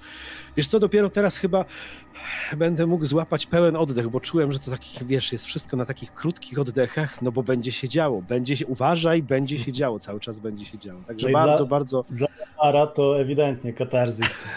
tak, ten sobie założył koszulkę i on się wpiął na to. Słuchajcie, fakt, Polecam w ogóle ten zespół. Nie, fak, faktycznie, ja się, e, oczywiście to jest standardowe, ja będę się mylił niestety, bo to jest taka mo, moja słabość, że ja się po prostu dopóki nie, nie wgryzę, to się mylę i przekręcam imiona, nazwy, W wszystko ogóle co się dzieje. tym nie przejmuj. Oczywiście naprawdę. chodzi Absolutnie. o Liban, nie Libię.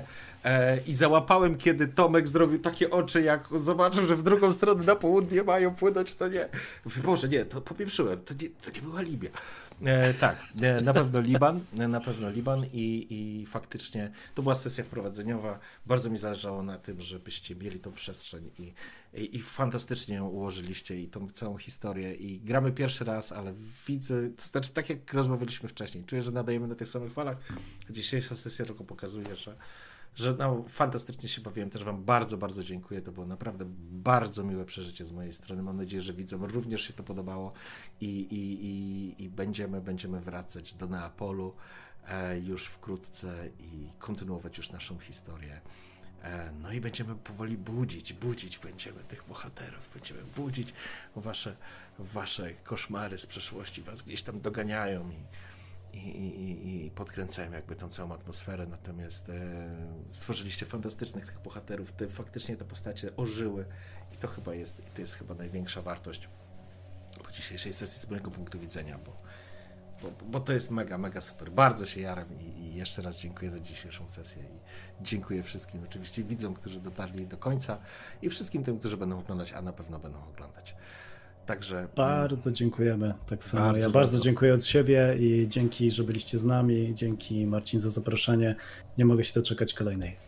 Absolutnie to samo, to samo mogę powiedzieć. Naprawdę wielkie dzięki. Jeszcze raz powiem, słuchaj, moje marzenia się spełniają. Oglądałem twoje przestań, streamy. ja już i tak jestem czerwony. Uczestniczę, uczestniczę w tym streamie, naprawdę, no jest to dla mnie jakieś, jakieś święto bardzo wielkie. Tomek, z tobą y, gramy już jakiś czas i za każdym razem, za każdym razem jest to wielkie przeżycie. Dziś było to dla mnie naprawdę piątkowe przeżycie z wami e, grać. No, czułem się niesamowicie komfortowo jako gracz e, w takim, w takim zestawieniu i w tym, że właściwie mogłem sobie naprawdę no, rozwinąć to co, to, co lubię i to, co chcę. Także... Na finał jedziemy do Neapolu. Usiądziemy Absolutnie, nad, nad tą absolutnie. zatoką i dokończymy historię. Zdecydowanie tak by było najpiękniej. Bardzo, bardzo Wam dziękuję za dziś. Dzięki, Dzięki jeszcze raz. Trzymajcie się cieplutko. E, I co? No i do następnego razu e, ze względów urlopowych i kalendarzowych. Właśnie, bo to jest też istotne. My wrócimy z sesją na koniec sierpnia. E, I to jest ta smutniejsza może część, ale warto czekać, uwierzcie mi, warto czekać. Także dzięki piękne raz jeszcze wszystkim i Wam, szanowni gracze. I do zobaczenia. Trzymajcie się. Obram się. Papa.